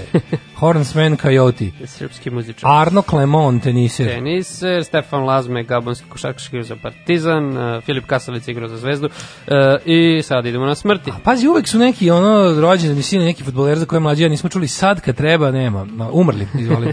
Uh, 1830. Imaš nešto ranije? Simon Bolivar. Simon Bolivar, južnoamerički revolucionar. Ja onako za Bolivara uvek se zamislim šta je on, gde je rođen, gde, ko je on, koje nacionalnosti i Čekaj, šta je? Simon Bolivar je rođen tamo, on je, on je Jeste, neki jeste. polu-indigenous, ili tako? Pa da, ima neko baskijsko poreklo, pa je rođen tamo valjda u Venecueli. Jeste, njemu je ono otac, majka mu je indigenous tamo iz, iz odande, a Ćale Da. mu je neki ono špan, mislim predstavnik države Španije, a Bask zapravo. Bask. Tako nešto. Ali kao naš ono Bol, Bolivija, mislim po, po Pa, on je njemu. otac nacionalnog oslobođenja svih. Da, ono, bukvalno išao svuda. Južna Amerika, južnoamerikancima, što bi se da. reklo. Uh, 1858. Moren, bo, belgijski botaničar i hortikulturist. Ja tek 20. vek. Uh, da, Leopold II, belgijski kralj. U, da. taj bio đubre? Taj je bio veliki. Jel to taj- jel taj Leopold? Jeste, jeste. Znači Taj on je đubre. baš ono, znači on je može- Hitler za, za ove Afrikance tamo, za Da, Kongo. Jeste, da, on je jedan od najvećih genocidaša u istoriji. ono. Baš katastrofa. 19. Renoir, slikar, Mhm. Pierre Auguste Renoir, a, imamo Jagoda Truheljka, hrvatska književnica, te Artur de Costa Silva, brazilski političar i predsjednik. Aha. A, Ja imam 64. Ko je ovo 64? Viktor Franz Hesse, austrijsko-američki fizičar, dobitnik Nobelove nagrade za fiziku, ne piše koje godine, uglavnom... e, 77. Cana Babović, A. spasenija Cana Babović, rođena Ćuković, Heroina. jeste junak socijalističkog rada i narodna heroina. Da. E, 87. Margariti Jursenar, belgijska spisateljica. Mhm. Čito I- nešto od Margariti Jursenar? Počitao sam ovo... Oprošteni udarac. Ne, ne. Ko da gra, ja samo to. Kako se To zove? knjižica, onako Bože? mala. Ja, Kako ona, ona je, ovaj... Zaboravio sam kako se zove. Nisam skoro to čitao baš. Um, A znam da mi je bilo dobro, sećam se da, da mi je ona ostalo nešto, kao- ona nešto, kako je njena veza sa, sa, sa Srbijom i Srbijom? Ona nešto, ona nešto prijatelj srpskog naroda bila. Pa ne znam. Možda je jugoslovensko. ne, ne, baš se, ona je nešto, kad bi se ja sad setio u kom je ona, ne, ne, bila nešto, ima neku vezu, da li su, Ne da li u znam njenom romanu, da li u nekom njenom romanu ima nešto, nešto dosta Srbije i prvog svetskog rata i tako nečega, ono. Skoro sam pozaboravio to. Možda, možda si pomešao. A, nisam, nisam siguran sam da jeste, Aj, ali ne bro, mogu se kako. pogledat ćemo posle. E, Ja tek 2011. imam. 2009. umre Dušan Jakšić, pevač, ja Dušan Jakšić, pevač i pozdrašni glumac. A, znam njega. Dušan je- Jakšić, meni je to on isto, i meni, to, meni je on ista osoba sa Draganom Stojnićem i Stanišom Stošićem. To su ti, I Draganom Laković. To su te fine čike koji izađu s leptir mašnom u domu sindikata Da, i pevaju. da, je. Znaš, on divni ljudi. Je. E, 2011. Cesarija Vora 2011. Cesarija, da, pevačica sa zelenorodskih ostrva, to je šta, neka Mhm. bossa nova, fado, ne? A da, a ko I je... iste godine. Da, ko je? Kim Jong-il, severnokorejski vođa. Ćaća od ne zna se kad se rodio, 41. ili 42. piše. Da, ne znam se. da, on je otac rata, ovom. Unu, a sin od onog prethodnog. Od dakle, Kim su Il-sunga. da.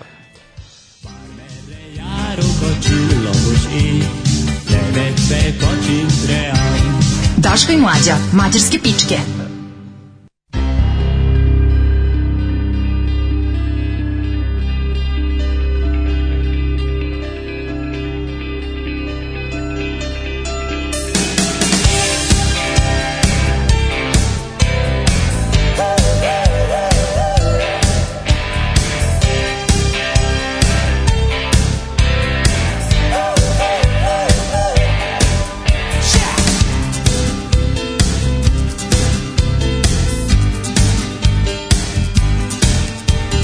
Tear out the pages that I've got in these books just to find just some words just to get some reward. And I'd show you all the photographs that I ever got took. And I'd play old 45s that now mean nothing to me. And you're a real gone kid. Maybe not, baby.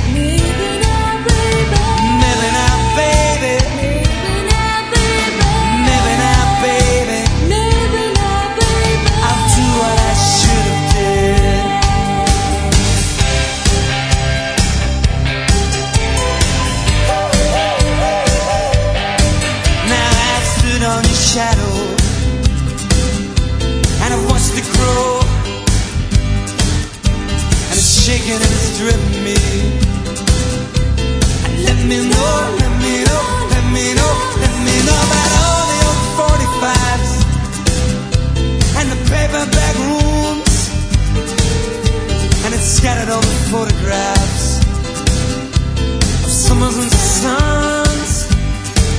And you're a real gone kid. Maybe not, baby.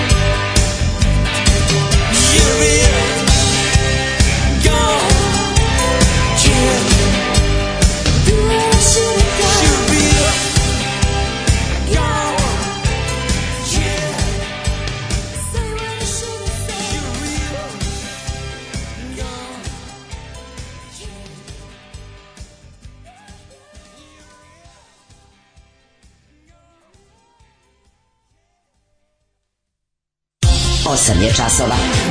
Radio Daško i Mlađa. Prvi program. E, A, šta, Đole, šta kažu druže, brate, kaže da se čita Margaret Jursener. Ona pisala pripovetke s motivima iz srpskih epskih pesama. A, vidiš. Najdraže njene knjige su Hadrinovi memoari, vredi pročitati njene eseje i intervjue. E, pa čita su memoare. Prvi susret sa Aljošom Vučkovićem, vidim neke veze da s, s, Mhm. Srb, Srbima i Srbijom. Prvi susret sa Aljošom Vučkovićem je bio otpisanima gde je igrao Gašpara i mrzeo sam ga jer hteo da ubije Prleta, Tihije i Paju. Je. Poslije je donije balun u Splitu serije Velo Mister, pa sam mu oprostija. Ovi, osam časa mačem da ajde da prođemo kroz ove vreme kako je danas da vidimo. Juče su najavljivali kao nešto biće ne znam 18. Mislim nije juče bilo najviše bilo 10 stepeni. Ali bilo toplo, bilo. Bilo je toplo, je, ono kao da, da. 10 je nije bilo 18. Ma znači, da. bar ne u Novom Sadu. Ajde vidimo sada hoćeš ti da kreneš ili ja? Ove trenutne temperature. Ajde da. ti do, do Crnog vrha. Može Palić e, 2, Sombor isto 2, Novi Sad 3 trenutno kažu, Zrenjanin Bogami 6, Kikinda 3, e, Karlovac 9, Loznica 3, Sremska Mitrovica 2, Valjevo 0, Beograd čak 8, Kragujevac 4, Smederevska palanka 7, Veliko gradište 4 i Crni vrh 11. Na Crnom vrhu je 11, ladno, tamo je najtoplije. Kako na vrhu tako top, to mi nije Ja, jasno. Negotin minus 1, Zlatibor 7, Sjenica minus 1, Požega minus 3, Kraljeva minus 2, Koponik 9, Kuršumlija 0, Kruševac minus 2, Ćuprije 3, Niš 2, Leskovac 5, Zaječar minus 1, Dimitrovgrad 2 i Vranje 3. Ovaj, Znači eh, na planinama toplo više, Da, znači, Koponik bit će 9, tako koji juče, 7. danas otprilike sve, sve isto. Mhm. Ovaj, otvaramo polako novine. Da, Hoćemo li? Može. Da vidimo Šta imaš? Ti imaš Pa ja imam kurir, da, tebi Imam šta, dodatak Blic. zdrav život. Jedite polako, bit ćete zdravi. E, kad bi to umeo.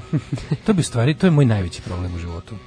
Kad bi ja, e, Ana Bekot je izbacila mlečne proizvode iz ishrane. eto, veganka postaje. Nije veganka, nego, kako se to zove, lakto vegetarianac. To, to, to. Ovaj, e, jedite polako, bit ćete zdravi. više. Jel ti jedeš brzo? Ti jedeš normalno. Ti Pa, pa, gledam sam sad kako jedeš. Delimično. Da, ti jedeš normalno. Gledam- ja. gledao si me gledam kako je- A sve stalno gledam kako, pa nije ja gledam kako drugi ljudi jedu i mislim se koja sam svinja, jebem mi sve po spisku. ono. E, kod mene piše srpski bokser jači od El Čapa. Znači, O, da, američka to- deo označila novog kralja kokaina. Ne znam što je Tito ovde. Kaže, da li mu nadimak Tito po Josipu Brodu? Ali taj, ono, e, to je nešto što bi trebalo da se prouči posebno, taj neki nakaradni ponos u vezi uspeha, na, uspeha naših Uspeha kriminalaca u naših, svetu. u naših u svetu, da. To je recimo isto kao kada Kao britanski tabloidi, ne, ne, britanski tabloidi, to je, to je neko uočio još davno, mislim da je Billy Bragg recimo, Mhm. ima neka pesma The Few njegova jako dobra, samo s početka 90-ih, gde on se kao ono u fazonu o, baš priča o tome kako je ta kultura kao i engleskog huliganizma, Da? kultura. Kada se kao britanski tabloidi kao zgražavaju, a u stvari naslađuju sranjima engleskih navijača u inostranstvu. Da, da, da. da. Je to Pa kao naš, to imaš kod nas. A to je, ali mislim da to jeste engleski izmišljotina. Mm. E, ali kod nas se to onda prenese i na druge stvari, pa, pa bude ta kao neka vrsta e, ponosa na uspehe kriminalaca. Da. Kao, Naš čovek je ubio tog i tog. Da li vi znate da je Srbin glavni. Kao prodavac droge u, u Melbourneu i mi kao wow, kao to. Znači, treba da- kao ti probudi na nekom tamo x nivou nacionalni ponos. Umesto da Ako si budeš kreten. na Umesto da čolu, na čolu da budeš ponosan, kaže, čola zgrnuo e, milion i osto hiljada evra od šest koncerta, znači Da. 300 hiljada po koncertu je. Da. Ovaj e, šta je ovo? Čekaj da vidimo ovo. E, z- Aha, Blic nastavlja kao za silovanje dece kažnjavaju kao za krađu kola. Ovaj e, nastavno se nastavno nastavno Blica baš nešto onako ovaj, Pa ovdje ima jesi primetio? ekskluzivno kako će izgledati nova Marakana, ne, Ne, znam da gledam već si vidio. nekoliko, pazi, to već traje preko dve nedelje da oni imaju neku varijantu Blic je kao malo uladio sa režimom na naslovnoj strani. Ne znam E, koliko pratiš, nadam se da ne, jer normalno Ne pratim uopšte, misliš da jer đubre, u kom smislu uladio? Jesu bili odluka kao opozicioni 29. ili... odluka 29. decembra.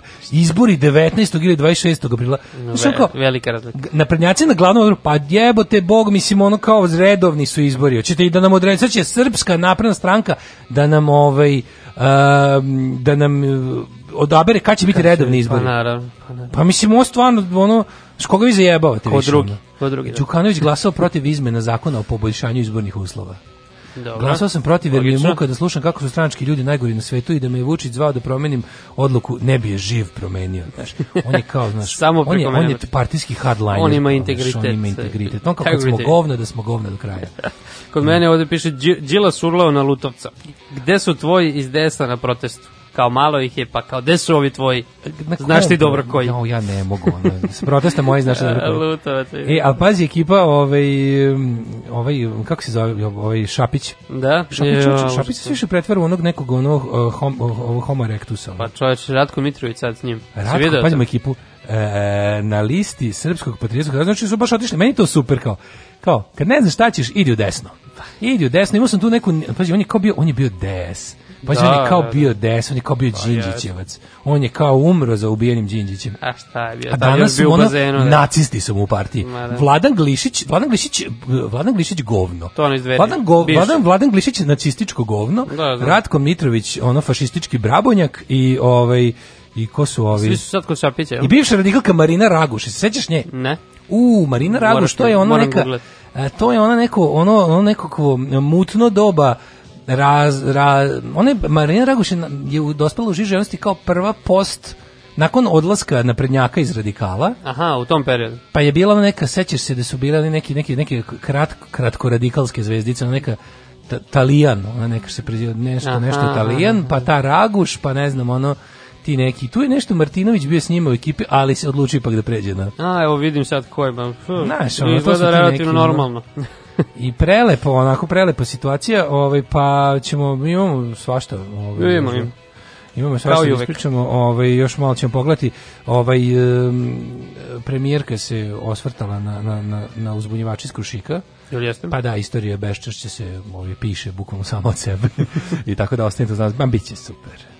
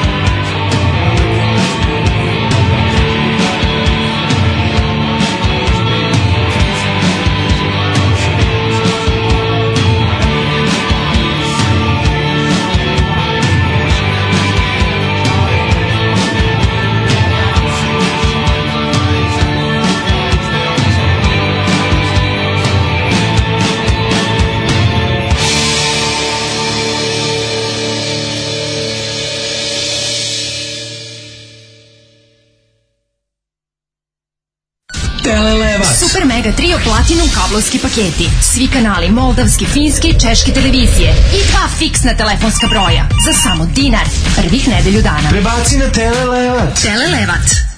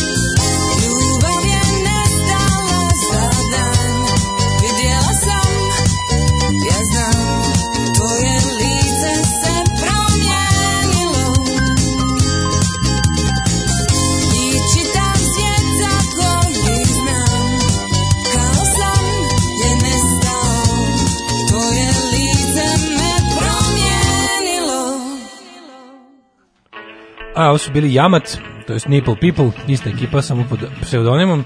Da. A, tvoje lice se promijenilo, volim tu pesmu, čujem, to mi je kao recimo da gledam televiziju 89. lepo. Pa mi sve lepo, mislim da će sve biti u redu, yes. ne znam da neće. Ove, pogledajte, ako niste jučerašnju Beogradsku hroniku i duel između voditeljke Rade Đurić E, Šarčević. Cepanice od Šarčević. Gledao sam, da. Da, malo pre. Da, bilo, bilo neko, znaš šta je super, što je bilo neko, nekako bilo ljudski neprijatno. Mhm. Nije čak bilo ni ono kao opozicijono, ne, uh, vlast opozicija moment. Da, da, nego ga baš kao, poštuj me malo, da. uh, ljudski ne, to, to je dobro, to je nekako, mene to podsjetilo na na onog možda što kad to vidiš, vidiš zapravo šta najviše fali u našem javnom prostoru, pogotovo na javnom servisu. Po integritet, brate. Mislim, Integritet, baš da, to. Da. Nekako, ni, znaš, ne možeš da kažeš kao, u, rade heroj opozicije. Nije Da, to, pa kako nekako nije? nije to, nego je baš u tome se moglo vidjeti onako tak, tako Pa, mislim, još ove kad se opozicije. dođe na BBC Da. kad se dođe na BBC onda se tako ponašaš prema na kraju krajeva domaćinu, onom ko te zvao. Između ostalog. I da. to je to, znači nema veze što si ti ono Boris Johnson ili si predstavnik, ne znam, ono Znaš, nije bitno što bitno je da se da se da uvažavaš domaćina i onda dobiješ tu neku vrstu e, pa poštovanja i mislim okej, naravno da si ti tu kad dolaziš nešto odgovaraš nekako nezgodno pitanje ako si Da, da, znaš, da. došao da, da, da pričaš o svojoj politici, o svojim politikama. U svojim politikama. Prosvetni. si došao, naravno ćeš biti malo, malo mora ti bude ne kažem neprijatno, Da, ćeš da. biti naravno onaj koga ispituju. Logično. Ali, ali kod nas se to toliko promenilo da sad ono kao kada predstavnici bilo, ko, bilo koje vlasti dolaze negde, ono no, novinari, vojitelji posrani čekaju da prime Mhm. njihovo, ono njihovu, znaš, uopšte nisu tu da postave pitanje, nego da prime njihov traktat, njihovu pripremljenu izjavu.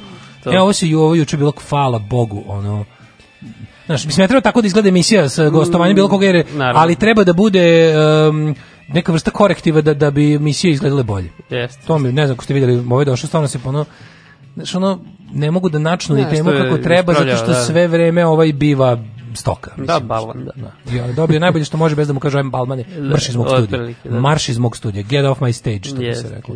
Ove, ja bih počeo, ako se slažeš sa ovim um, Aleksandrom Bradovićem i ovim što Aha, je, pošto, pazi, imali smo sad ova afera Krušik, dobio, jel, ovaj novi moment, Mislim, ne znam koga novi moment, ali svakako novu etapu ulazi. To u kuriru nema, pa evo samo da odložim novine. pa naravno, možeš slobodno, da. Ti si dobio te novine gde, to, gde, je, gde je glavna tema Đilas viku na Lutovce. Da, da, da. To su teme To ću koje... iz glave, ovako. To može iz glave. Ali ovo, ne znam si, ti si rekao nisi baš nešto poslednjih dana Evo, do ovih dana, baš posljednje 3-4. Inače, pratio Sad sam ću ja te naravno, zarazim, ne. ali ajde kaži šta je sad usta ti pljunemo, ovaj. Evo, imamo ovako. bilo. Mihajlović je remis. Da, sad ćeš da dobiješ sve, da ti prenesemo ovo nemuštu politiku srpsku u zadnjih par dana. Pa ništa, nismo to eksponirali, znaš, mislim, premijerka ti znaš da svako njeno javno prijavljivanje će, je onako transferčina jedna dobra. Mm. Su, jedna sam- prelepa hrvatska reč koju sam ja tek skoro čuo, susramlje. Susramlje, susramlje e, je to je toliko blama, dobar da, izraz. da, je. da. da mislim da je u redu da se prihvati u srpski. Skroz, skroz. Susramlje je fenomenal. Znači kada osjećaš sramotu tuđu sa kojom realno nemaš veze. Skroz, da, Bilo da. me je sramota zbog nekog drugog i čak i ako je taj neko 300 km od mene, mislim, nije bitno, gledaj mi sramota me. Ove, e, susramljen, kaže svako njeno obraćanje. Pratio sam za Jovanjicu, ovo što je imala susramlje, sad za ovo najnovini. Da, kad je pokušaj cinizma, to je stvarno ružno. Da, Da, da. kad, kada ideš. Mislim, cinizam je, običan cinizam, to jako malo ljudi može se izvuče, ali kad si baš glup, pa pokušaš ironiju koja zalazi u cinizam, onda bude baš onako. Da. Ali je imala juče, kad su pitali, neko uspeo da obaci neko pitanje, na što je ona odgovorila kao već krušike i uzbunjivača, neko, "A, on za mene nije uzbunjivač jer nije poštovao procedure. to je kao, Da. Ali stvarno uzbunjivač je na nekim, ukoliko nije lik koji poslednjim e, vozom pokušava da se spasi iz kriminala, imaš i tak tu vrstu, ono. Da. ali to onda saradnik. Da.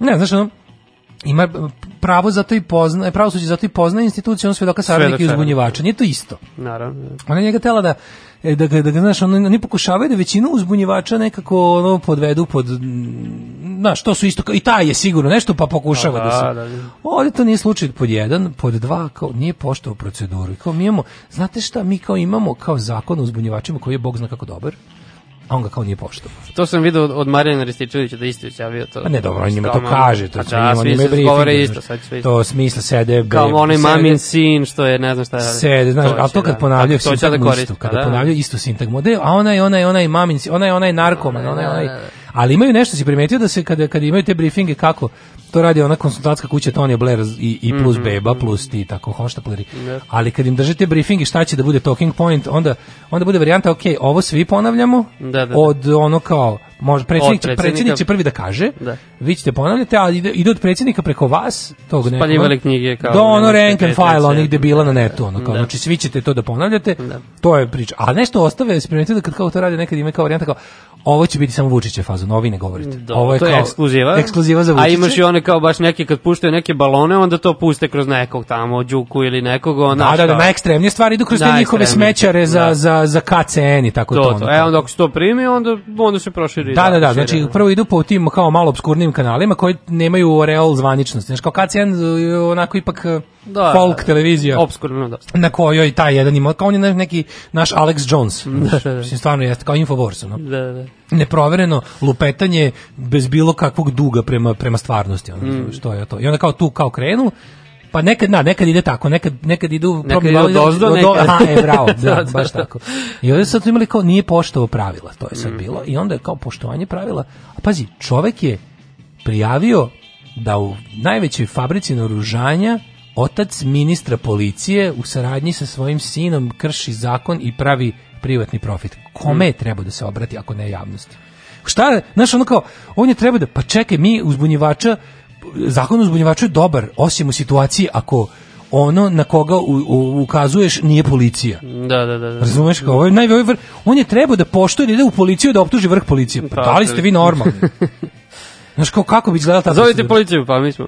Da, who, who police is the police? da, da. Znaš, on nije poštovao, nije poštovao proceduru, ali važno da su, ti znaš da su oni dali status uzbunjivača onom čuvenom Bastaćevom kumu. Ja, da, da, da. On, taj čovjek je, taj čovjek, je- snimak, kao, da, taj čovjek je uzbunjivač kao pravi. On je pravi, On je zato što on pravi. ukazao, znači, znaš, ono, to je, juče smo pričali mlađe, to je, to je SNS stvarnosti, to je kao da je ono glavni problem, e, znaš, kad gledaš čovjek koji gleda RTS Pink i čita naš te režimske, baš prave režimske tabloide, taj veruje da u ovoj zemlji kao, naš, naprednjaštvo je nešto što je tajni, teška, plemeniti poziv. ili- ilegalstvo. Da, tajni plemeniti poziv, jer kao opozicija koja je zapravo vlada ovom zemljom, što već boli mozak od same rečenice, ti na svakom koraku preti. Znači, ljudi ne smeju, juče Stefanović izjavio kako ljudi ne smeju se prijave za članove REM jer se plaše opozicije. Ko je zavio? Stefanović. A, Plaše se, slušaj, plaše se da ih, da ih opozicija ne provuče Moćna opozicija i nevladine organizacije. Ali da, da ih, ali prav, plaši se da ih opozicija ne provuče kroz blato. Da, da, da. Opozicija ono nema Kroz čime da zamesi blato. Danas koji i- ima 0,3% Kada, kada, čitalaštva. znaš i kad te razapnu danas i N1.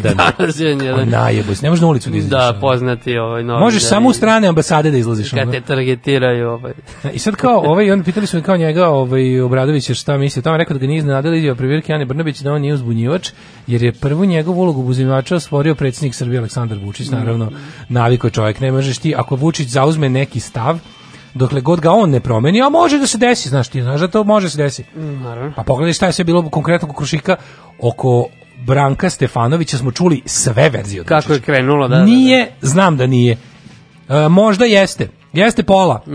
Jeste skroz i šta tu ima loše? I zato je bilo, to je na kraju. Na kraju je bilo da- Ko to njemu možda zapravo? Da, na kraju je bilo jeste još i šta je uopšte tu ima loše. Da, da, da. Kaže, je na sve pokušaj diskvalifikacije, omalovažavanje i neistine, koja, kako je rekao, dolazi od svih predstavnika vlasti. I e, slobodno neka nastave da do krajnjih granica testiraju moje strpljenje i kućno vaspitanje. Znam šta je istina oko trgovine oružjem i oni to znaju. Istina je toliko jasna, prosta i bojim se opasna i bolna za sve njih. Da, da. E sad šta je tu još, zašto su opet, da, zašto je ova stvar dobila još jedan, kao zašto je opet raspalila? Ne znam da si to vidio, ali nemački špigl, što je verovatno, E, da, špigl da, svakako da, da. najugledniji sam to na nemački Twitteru, da. politički nedeljnik list. O, I oni su objavili jedan članak kakav nije izašao odavno u vezi Špigl onako, mislim, što se tiče politike, oni su onako mislim uvek uz vlast. Ajde da ne kažem, mi Špigel ima svoje razne epohe, ali recimo da su trenutno znaju da bude kritični prema kao naš, ali su u principu neka blaga, blaga, blaga kritika. Ono, ne znaju se nekada da podržavaju SPD, neka CDU, ali u principu, znaš, nisu nešto. Nešto, tu su negde Srednjaci. srednjaši su, da, i onako nisu neće sad baš ne znam kako. Ovaj prošlo je to vreme kad su oni nešto mnogo ukazivali na nekakve skandale, vla, Da. ali ono u principu mnogo etičnije nego kod nas bilo šta, tako da ovaj ali jeste čudno da takve novine ovaj posle dugo vremena, baš zbog toga što se u Vučića mnogo ulaže. Da, da. Nemačka mnogo ulaže u Vučića da Sad je krenulo malo da se krnji. E pa baš. I bio je taj tekst o, Krušiku, koji je bio skroz na liniji, ono kao da su ga iz Nina prepisali. Da, da, otprilike. Plus je bio interesantan moment, uvezali su to sve sa situacijom da Vučić znanost Kosova, mislim šta treba, šta predstoji, pa sa pregovorima koji slede. Da, da. Pa su pominjali to kako će Vučić morati verovatno, pazi, ako se još nisu dogovarali, kako sve bude okej sa ovim kako su zamislili pobednici izbora na Kosovu, on će morati da Da, da, da.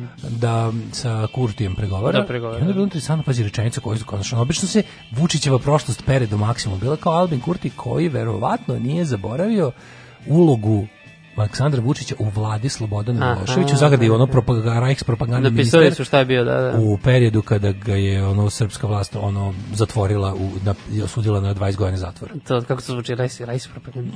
Mislim nije tako, ali, ono, ali je- propaganda mislim on je bio ministar Miloševića propaganda Da, u vreme, da, da. u vreme e, bombardovanja. Da, 98, U vreme rata na 99, Kosovu on je da. bio to ministar informisanja se bukvalno de facto bio ministar ministar propagande. I to je to je novo, razumeš? Mhm.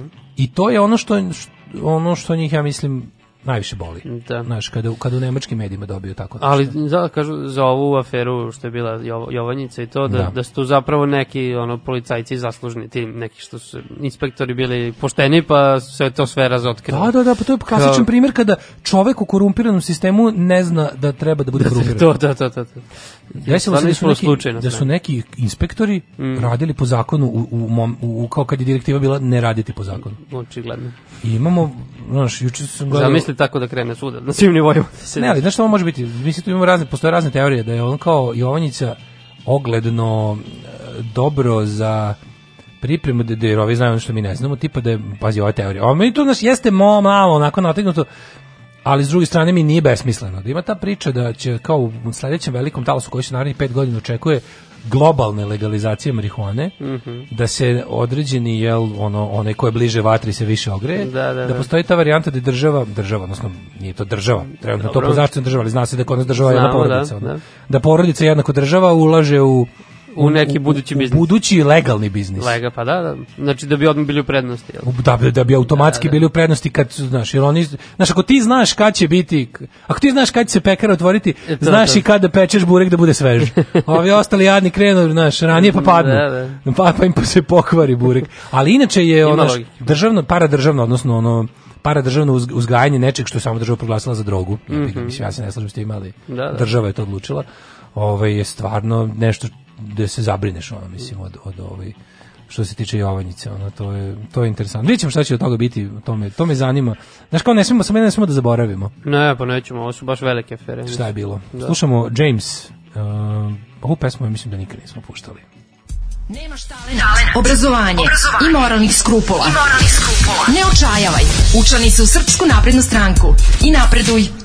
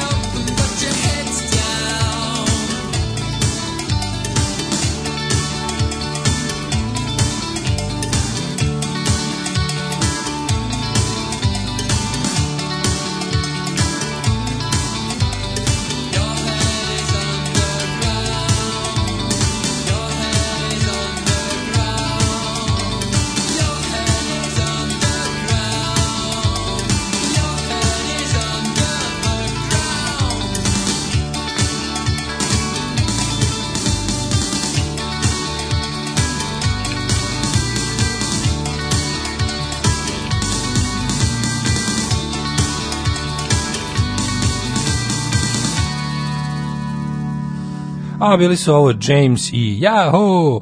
Um, zlatne 80. Jel, ovaj, To si zbog mene pustio kao nikad. To sam zbog tebe. One lepe godine, tvoje 80. Što bi rekla grupa Ruža.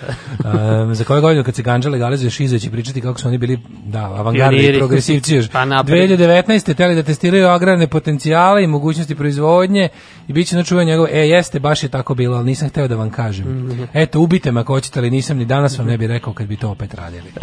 A, jeste vidjeli Vuči, Vučić optužio opoziciju za ksenofobiju zbog stava prema migrantima? Da, na, ćemo se na to, to sam dobio popis juče kvalitetan. Od Verjana. 106. put uh, govorimo ono što mislim od početka. Da. Kaže, ja imam ksenofobiju njegove bivše supruge. Ksenije. da, da, da. Imamo ksenofobiju.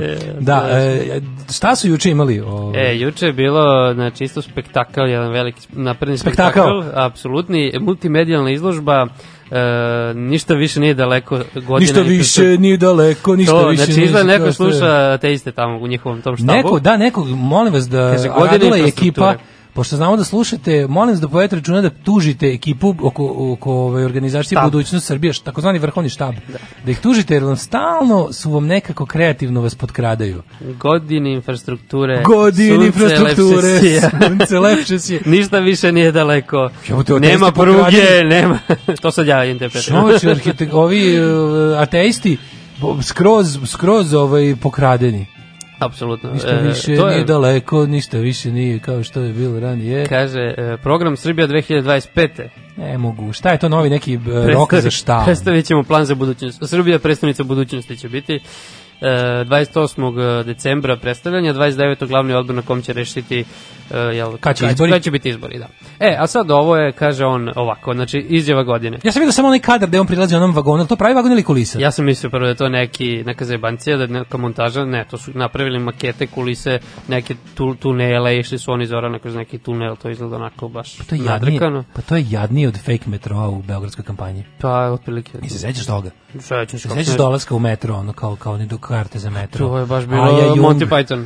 Da. Aja Jung i ne znam Gurović i ovi ostali Da, kao da, da. i Branko Kockica kao kupuju karte za metro i onda ih Vesić jebote oni su Vesić on sad- on- ne ali super kod tih tako šta je dobro kada kada mm, ti se doćeš kao da budeš jako pametan i da njih kao sve optužuješ za te kao neke kreativno kad ti- kao intelektualac nalaziš njima te neke paralele sa sa ne znam kao ovo je za me, ovo je za mene Potemkinovo selo, ovo je za mene. Onda oni naprave nešto što bukvalno ne može drugčije da se nazove osim ovo je stvarno Potemkinovo. Da, to. Mislim, ako znamo da su to bile kulise, To je baš da je kao Potemkin Je. pravio kulise da, da oduševi ono posetu iz pres, pres, prestola, Da. onda ovo to pod je jedan kroz jedan. Da, ne, da, može, znači, on ne može luđe od toga. Sve fotografije su onako što može naći na netu, on kao nešto sve pokazuje ovde neku mapu. To su Tanjugove, to su te njegove, ono, da. E, kaže, izjava godine, znači, izgradili smo oblast infrastrukture za poslednjih 5 godina više nego za prethodnih 50.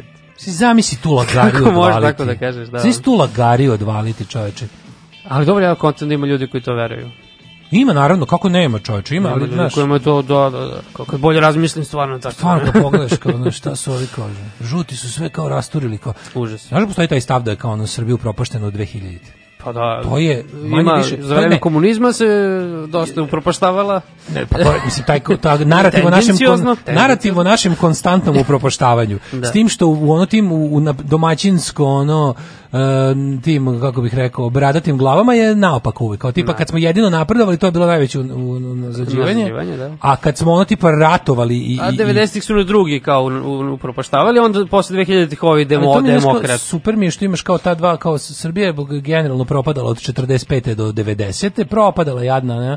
a onda je došao kao Milošević koji je bilo to rati sankcije, to nije on kriv, Nije on kriv. a onda kreće opet devastacija od 2000. i, i oporavak konačno od 2012. Da. Kaže, gledajući ljude koji žive u ovim delovima Srbije gde se gradilo, pomislio sam da ću zaplakati od sreće, kaže Vučić. Da, da, da, da, To bi stvarno mislim volao da vidim. koliko- Kaže, neka misli da sam preterao, ali u poslednjih 40 godina sve jedno je, višestruko su bolji rezultati nego svih pre nas. Ja, pa ti znaš što izjaviti čovječe? Ko je to muzika? Ali, ne, ali ono, mislim, to sad ti se može kažeš to nije tako i onda on Čak i ne od 2012. on kaže od 2014. Znači nisu mogli u onom Da, periodu on- kad da, je da, on bio on PPV. smatra, da, on smatra da je njegovo kao To da doba se- počinje. A i super mi je što on u svojoj glavi stalno skraćuje svoju vladavinu, Pa da, da odnosno bi- sve daje sve kasniji i kasniji početak. Da bi manje trajalo. Sad će biti 2017. tek kad je postao predsjednik. Pa da, to će da, da, to je, njegov, uskoro to je koju pravo godinu. njegovo doba. Da, kad je to je pravo njegovo doba. Ja mislim, Bez obzira što kod nas realno premijer ono što sam ja apsolutno ubeđen da on, ja mislim da on apsolutno planira da na neki ono Putin Orban način vlada dok je živ. Mhm. I što je najgore, ja mislim da to nije nemoguće. Ja mislim da recimo da mi mislim kao sa za Dobro, toliko- baš pošto živ, ja mlađi od njega 10 godina. Da. moguće je uz, uz moje dobro zdravlje da doživim kraj Da njegove vladavine. Ali nije, nije Ali recimo, znaš, kao moguće da mo, kao ne znam, ono moguće da moja mama ne. Da, na primjer, da, da. sasvim moguće da će taj Da. ono, znaš, mislim, to je meni Tuga, tuga. Nažalost mislim da je moguće. Da, dobro, tu je naravno bila i Zorana Mihajlović, ministarka građevine, oni su predstavili tu kako već, e, kako god, znači godine infrastrukture, ne znam kako Godine možeš, infrastrukture. A stvarno, znači, nema voza. Laž ono, lepše sija, nema voza, nema ničega, ali se laže da ima. Um, kaže, e, on nije za to da se zabrani funkcionerska kampanja. Pa Znači, to. to je sad u kojih pregovora oko izbora. Ali Kaže, s- s- hoćete što da mi zabranite da radim 45 dana, to hoćete. Da se sastanem za Xi Jinpingom na samitu. Da, kao, To bi oni hteli, A ne, zato što on stanem. nikad nije u kampanji, znaš. Naravno. Ne može, znaš šta je meni kod njega neverovatno? Meni kod njega neverovatno, sutra ćemo da pričamo to danas, možemo i u trećem satu u stvari. Možemo Da. u trećem satu pričamo.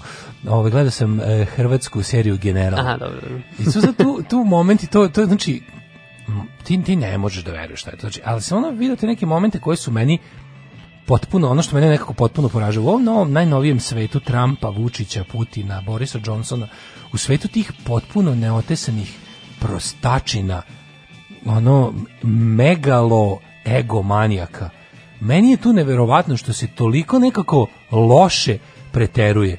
Da ti ne možeš što su ono kao da, da baš on ne ostavi ni jednu ono neku šansu da bude da nam bude simpatičan zbog nečeg kao ljudskog, nego on je ono? Znaš, on je ono, on samo sebi priča o superlativima. On ne da nikom da se našali njegov račun. To je meni to... Pro... Izgubio Znaš, sve, ono ono, kao, Sve kočnice, kako se kako ti objasni, kao, znaš, kad nešto neko, ne znam više kako da nazovem to, kao, kao, kao neki stare, one, one prastare nekakve priče o- antičke, da je ono sve toliko karikatura i hiperbola, da kažeš kao, ok, tako su se nekad, ljudi su nekad, Da. znaš, kao, kad je samo malo bilo pismenih i kad je samo malo ljudi pisalo, onda su pisali te tako neke jako preterane stvari da bi svako shvatio. Da, da, da. U tad se razvila književnost, pa više Nema potrebe. nema neubedljivih likova. Ljudi se trude da ne prave neubedljive likove. E, ovo su neubedljivi likovi. Nerealni, da. Vučić je neubedljiv lik. I onda te dodatno boli što nešto što tako je providno. Mm. Ško, ajde, daj, ono kao, baš nemoj, Znaš, kao nemoj izaći i reći, nije da sam najlepši, ali sam najlepši. Znaš, kao to, malo, da. to je smešno samo kad se zezaš, a pošto znamo da se ne zezaš, znaš, i onda to tako kao, E, ja to nema kraju uopšte. Znaš. Vratio si poligraf u igru, ne znam da li si primetio. Jao, šta je s poligrafom? Kaže, samo ložovi odbijaju poligraf. Znate ko odbija da ide na poligraf? Ložovi. Kako sam ja smio da na poligraf, a Pajtić nije? To povodom Bastaća. Pošto Bastać kao... Kad je to bilo s poligrafom? Kad, kad je to uopšte? Kad je uvedeno? Vučić išao na poligraf? Uf, u kampanji? Sad sam i zaboravio šta je to bilo. Je to bilo još pre 2012. Ne, ne, ne, ne. Post, Kad je, Vuč, kad je Vučić išao na poligraf? Pa bilo je nešto ga je Stefanović zvao, ne mogu sjetim povodom kog Da. slučaja, šta Da, je da. I postavljamo neka pitanja na koje, Naravno, kako da, to da. dobro. Ono. Sad više zaboravio se koji slučaj bio, znao samo da je bio cirkus. Je Vučić bio na poligrafu? I pa izgleda jasno viš da kaže da, da je bio. Samo lažovi odbijaju Samo ja Samo sam neko smeo, ne zna. A što Pajtić? pa zvali su ga vratno kad su ga optuživali za one afere dok je još bio na vlasti, pretpostavljam da je to Aha, aha, aha. Tad je nešto, tad su i oni išli, tad se to koristilo masovno, pa se jedno vreme malo su stali i sad Pa ponovo. da, ima to, to je u fazama, da, poligraf, to je u da, da, fazama, da. Nego ja bih da, da se dotaknemo teme, ovaj, neko posla poruku i tome se da pričamo, opozicija. Mhm. Mislim, dokle će dok, dokle će se tolerisati prisustvo dveri u, U Savezu u, Savezu za- Srbiju? Dokle će se dveri praviti mainstream ti politička kažem, stranka? dok god je Jeremić na čelu opozicije, mislim da će to biti okej. Pa nije Đilas je na čelu Pa opozicije. dobro, i Đilas nije nešto puno gadljivo, očigledno. Pa znam, ali Đilas ipak kako god ga mi ne vo, kako mi njih kompletno ne voleli, ipak znaš kao Đilas nije Jeremić, Jeremić nisu dveri. Dobro, da, ne, Znaš. ne, znak jednakosti svakako, ali... Ali, ali je, o, pogotovo, a tek, tek ono, i onako i Đilas nisu dveri, kako ćemo tom Da, logikom. da. ali ono nas juče, juče ta, ta, jesi vidio ti njih tamo? Znači, ovaj je otišao, mislim da to u Čačku, pošto tamo njima Da, da, headquarters. pa ima neki, onaj ravnogorski pokret Čačak je bio na... Da, tamo je Führer bunker ono, od, od ovog Boška Obradovića. Znaš, Ne. mislim, ja ovo sad ne govorim zato što mene, mene ne zanima šta neprijatelj misli. Mene nervira kad sam uopšte došao u situaciju da kad kažem nama, mi, da u to neko može da uveze uopšte Boška Obradovića. Da, to me da. nervira.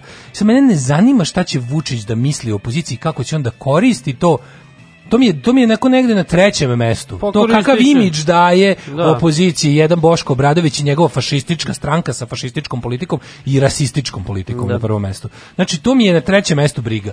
Meni je na prvom mestu ona kao briga da ne želim da na bilo koji način buja i pospešuje se rast jedne takve organizacije. To pre svega, da, da, apsolutno. To na prvom mestu, tek Dveri pokreću peticiju protiv, protiv migranata, da. Ma Mrš bre u pizdu materinu s peticijom. Ono. Znači, kao potiču, oni su, onima, ali to je, znaš ti koliko je to, to je za mene... Pa prvo je besmisleno. Ne, ali to je za mene, su, za mene globalno priklanjanje takvoj politici. Da. Znači, priklanjanje toj vrsti politike je za mene nekako veći problem, um, jer ono kao ono veliko zlo koje se, koje se dešava u svetu dolazi od tih tako tih alternativnih činjenica, od tih lagarija, o nekakvoj velikoj zameni belog čoveka. Da, da, da. Ugroženost belog čovjeka, Je, života. zavera, to je najstarija priča, Je. jevrejska zavera dovodi te kao jeftine ljude da zamene nas. Da, da. Kao E, znaš šta sam im palo mi na pamet skoro, neki, a, otprilike kao Mon- Monty Python sketch, otprilike dvoje matoraca, ono, baba i deda, otprilike daju izjavu i sad pričaju sve one klasične, e, sve te klasične gluposti koje izgovaraju ljudi o da. migrantima, da, kao oni dolaze, donose svoj način života, uzimaju nam poslove, uzimaju nam ovo, uzimaju ono, i sad oni tako trpiju dva minuta, ali bez pominjanja nikakvih ono nacionalnih rasih odrednica. Ali ne kažu na koga misle. da, I onda, i onda, i, i na kraju se udaljeva kadar i kao morali smo da ih zatvorimo ovaj prihodni centar i on udaljava se, znaš, ono, širi se kadar, a iza ono mladi, deca. Kako je? Kako je? Da, oni dolaze. Večita borba protiv mladosti. A da, zamisli sad kako je motorcima oni Tako za... je, moraju su da ih zatvore kao Pa šta. da, kao, Ne, uvek- uzimaju na poslove žene.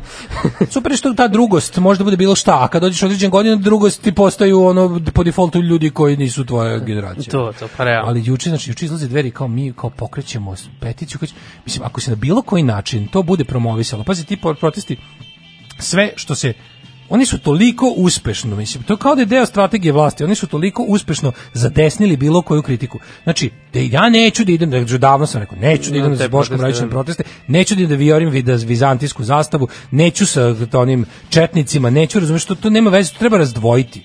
Što treba razdvojiti, baš me briga, I to je prikao jedin, ma on ima jedinstvo opozicije, nema jedinstva s Boškom Radićem nikad ni po kom osnovu. On svako malo, on, ali šta ne gore, on jedini tu gura svoju politiku. Pa očigledno da, ali zato što Đilas- ovi taj Đilas navodno politiku. ima, taj Đilas je navodno, njegova stranka je navodno socijaldemokratska. A jeste. Šta smo mi od njegovog, Ma da. znaš, ono kao, ajde Pa na neki- papiru je šta smo mi od njegove socijaldemokratije videli u praksi? Pa da, to je je- večito sklanjanje Jeremićima koji su kao umereni četnici. ko je Jeremićeva a politika? zapravo, pa dobro, Jeremićeva politika, politika ono, A, otko znam, SPO politika, ono. Mm, pa. ali je ono kao bez monarhije. Ali Da, i to da. bi usvojio možda, i tamo, garant, među, Ako, među tim njegovim ima monarhista, 100%. Ima. Znaš, ono kao, ali jedini ko je tu ideološki profilisan su dveri i oni jedini ljudi sprovode svoju politiku. doći, da, da, da, I stalno da, se svi sklanjaju kao, manite, ostavit ćemo po strani sve svoje razlike. To obično znači da ovi koji su ujole normalni stave po strani razlike, a ovi svako malo proguravaju svoje. Mm. Juče je bilo to kao ono, a, kad sam vidio onu konferenciju za štampu, Boško Brajić iza neka ono lažna nacija Vesna Pešić, pored liku Ravnogorski pokret majici, pored neki ono geek, on- ono neki incel koji samo što nije nabavio produženi okvir da upuca džamiju i iza neka, ono što ono gomila ono, znaš kakvi ono da. najgaz dna kace, ono, znači ono baš fašovi iz dna kace, od Draže do Ljotića, sve Da, da. pokriva, ono.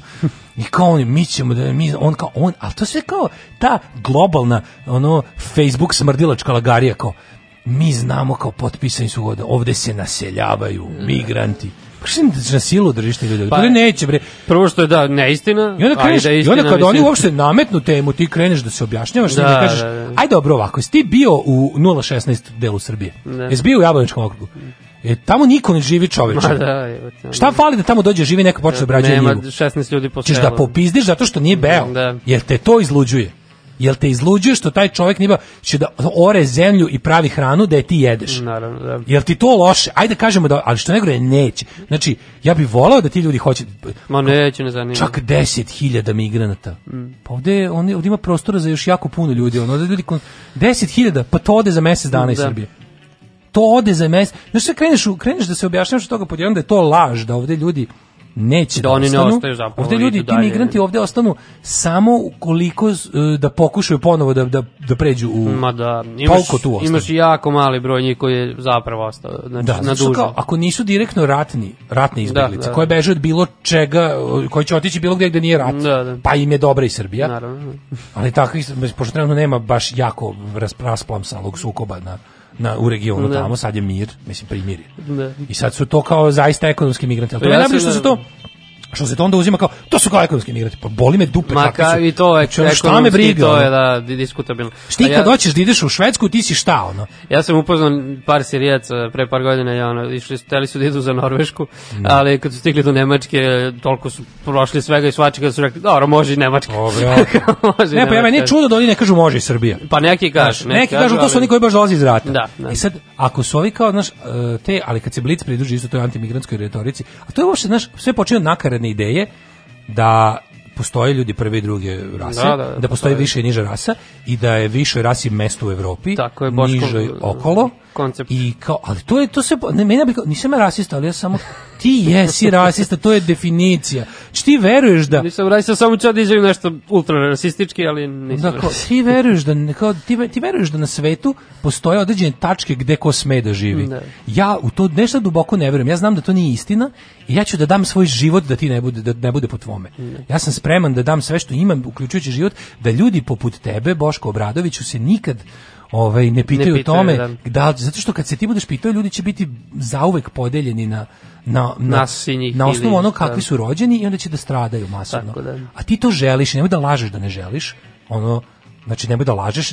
Najgore što uvijek moraju da prikrivate svoje prave ovaj motive Mm. Moraju i, i da želje. se malo ali vade, se uvek da, otkriju. I onda kada osjete da je društvena klima sazrela da će im više od pet ljudi tapšati na to i da će dobiti više od 300 lajkova na Facebooku i na Twitteru, onda izađu s tim programom, povremeno puštaju Pa te to me plaši malo šta, šta će biti ako se I onda mi se on sve- nudi kao alternativa Vučiću. Da, da. Čekaj, ono kao ovaj treba da odgovara što je bio takav ko ti ceo skoro svoj život, pa se odjednom oportunistički promenio, a onda treba ga zamenimo tobom koji si još uvijek takav. Koji si još pa gore, hvala da. lepo. Ono. Baš hvala lepo. Tako da ono ja ne znam stvarno dokle će se to trpeti. To stvarno znaš, mislim, a što ne govori kao te dveri su nešto malo porasle u odnosu na sebe pre Saveza za Srbiju, Mhm. jer su pridobile neke ljude, znaš, tom svojom, Boško je pridobio su, neki ljudi kao svojom rezolutnošću i tom nekom kao, oni, znaš, Da, jeste- da, ima, ima harizmu za razliku ima harizmu za ovih... razliku od ova dvojice. Da, Stan- realno, staneš realno. pored Jeremića i, i Đilasa i odmah si Rambo. Da. Znači, odmah si Rambo, samo što si. Rambo s kokardom, je Mm. ako ne i gore nešto. Da. Slušamo Redki, e, ovo će ti se benda opasti, ovo su, Redki su potpuni ludaci, pričati pa sa njima, dopasti se ovo. Provedite novu godinu kod kuće. Alarm sa mlađom i Daškom.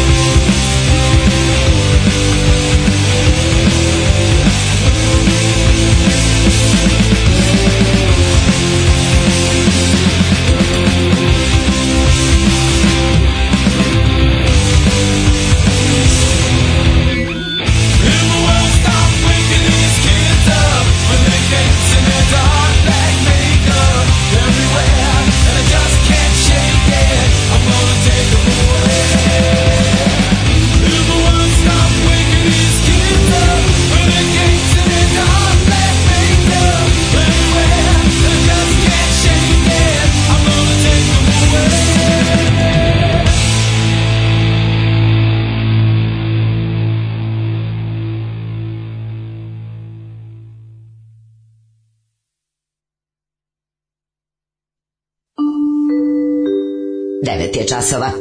Radio Daško i Mlađa. Prvi program. E, ovo su bili Redki, pitao, u šta je ovo majku mu? Ovo su Redki. Redki su, o, ne znam da smo ih nekada puštali ranije, imamo Mhm. tu dugo u kompu. Odličan band, tri burazera, tri crnca iz Mizurija, ono, kako ono, znači, likovi, ono, tri, tri rođena brata koje ono, ćale školovo kod kuće, neka ono heavy priče koji su ono se okrenuli panku kao ono način da pobegnu ono Da. i, i, i po, ono ja, ako, ako se čuo za band Death, onaj stari 70-ih Da.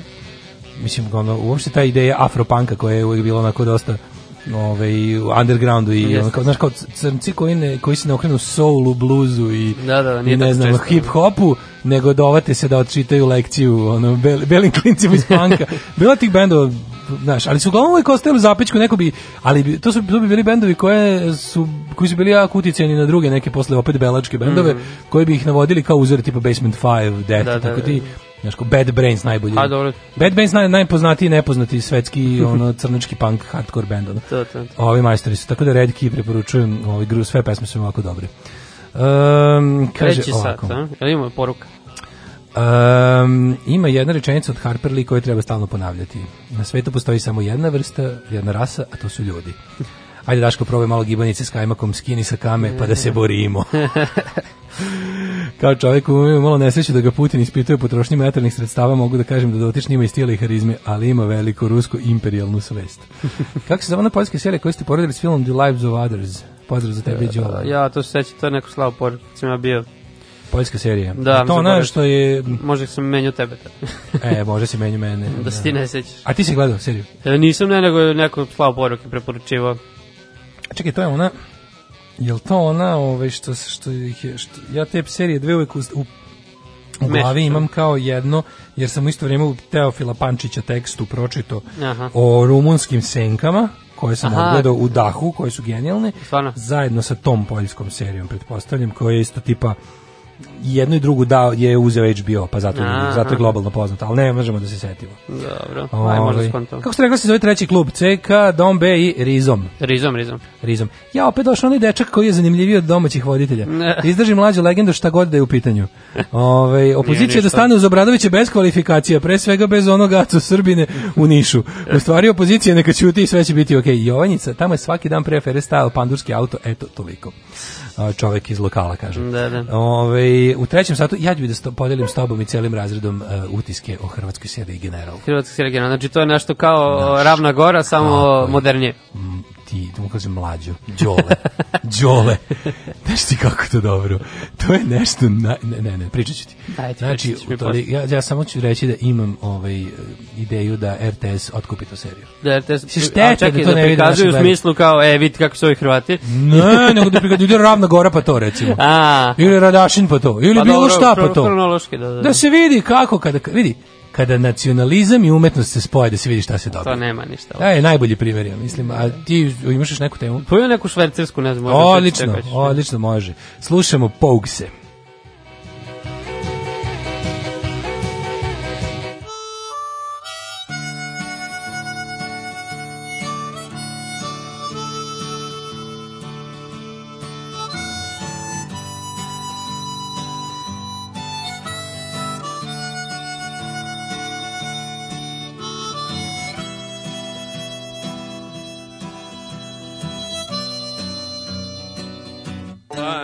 My love by the gasworks wall. Dreamed a dream by the old canal. I kissed my girl by the factory wall. Dirty old town, dirty old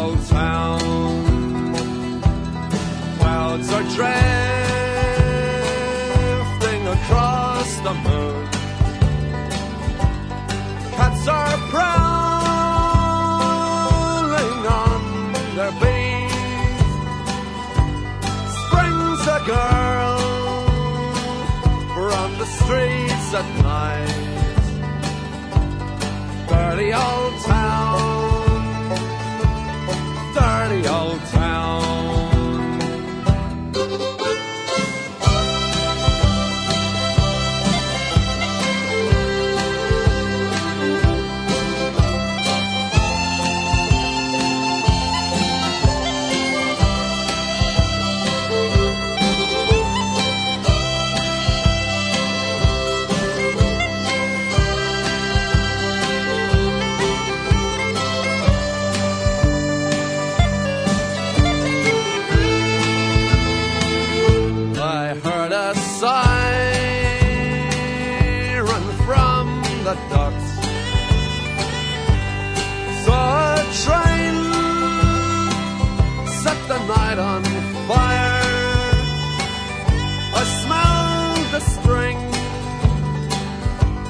Smoky wind. Dirty old town, dirty old town. I'm gonna make me a picture back, shining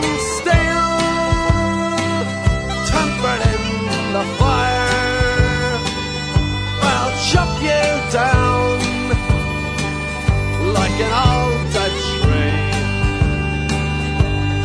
Dirty old town, dirty old town. I met my love by the gasworks wall. Dreamed a dream by the old canal. I kissed my girl by the factory wall. Dirty old town, dirty old town, dirty old town,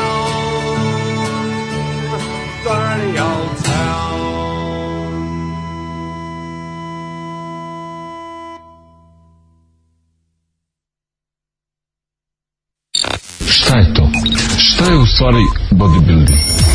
Alarm. Alarm. Svakog radnog jutra od 7 do 10 sa mlađom i Daškom.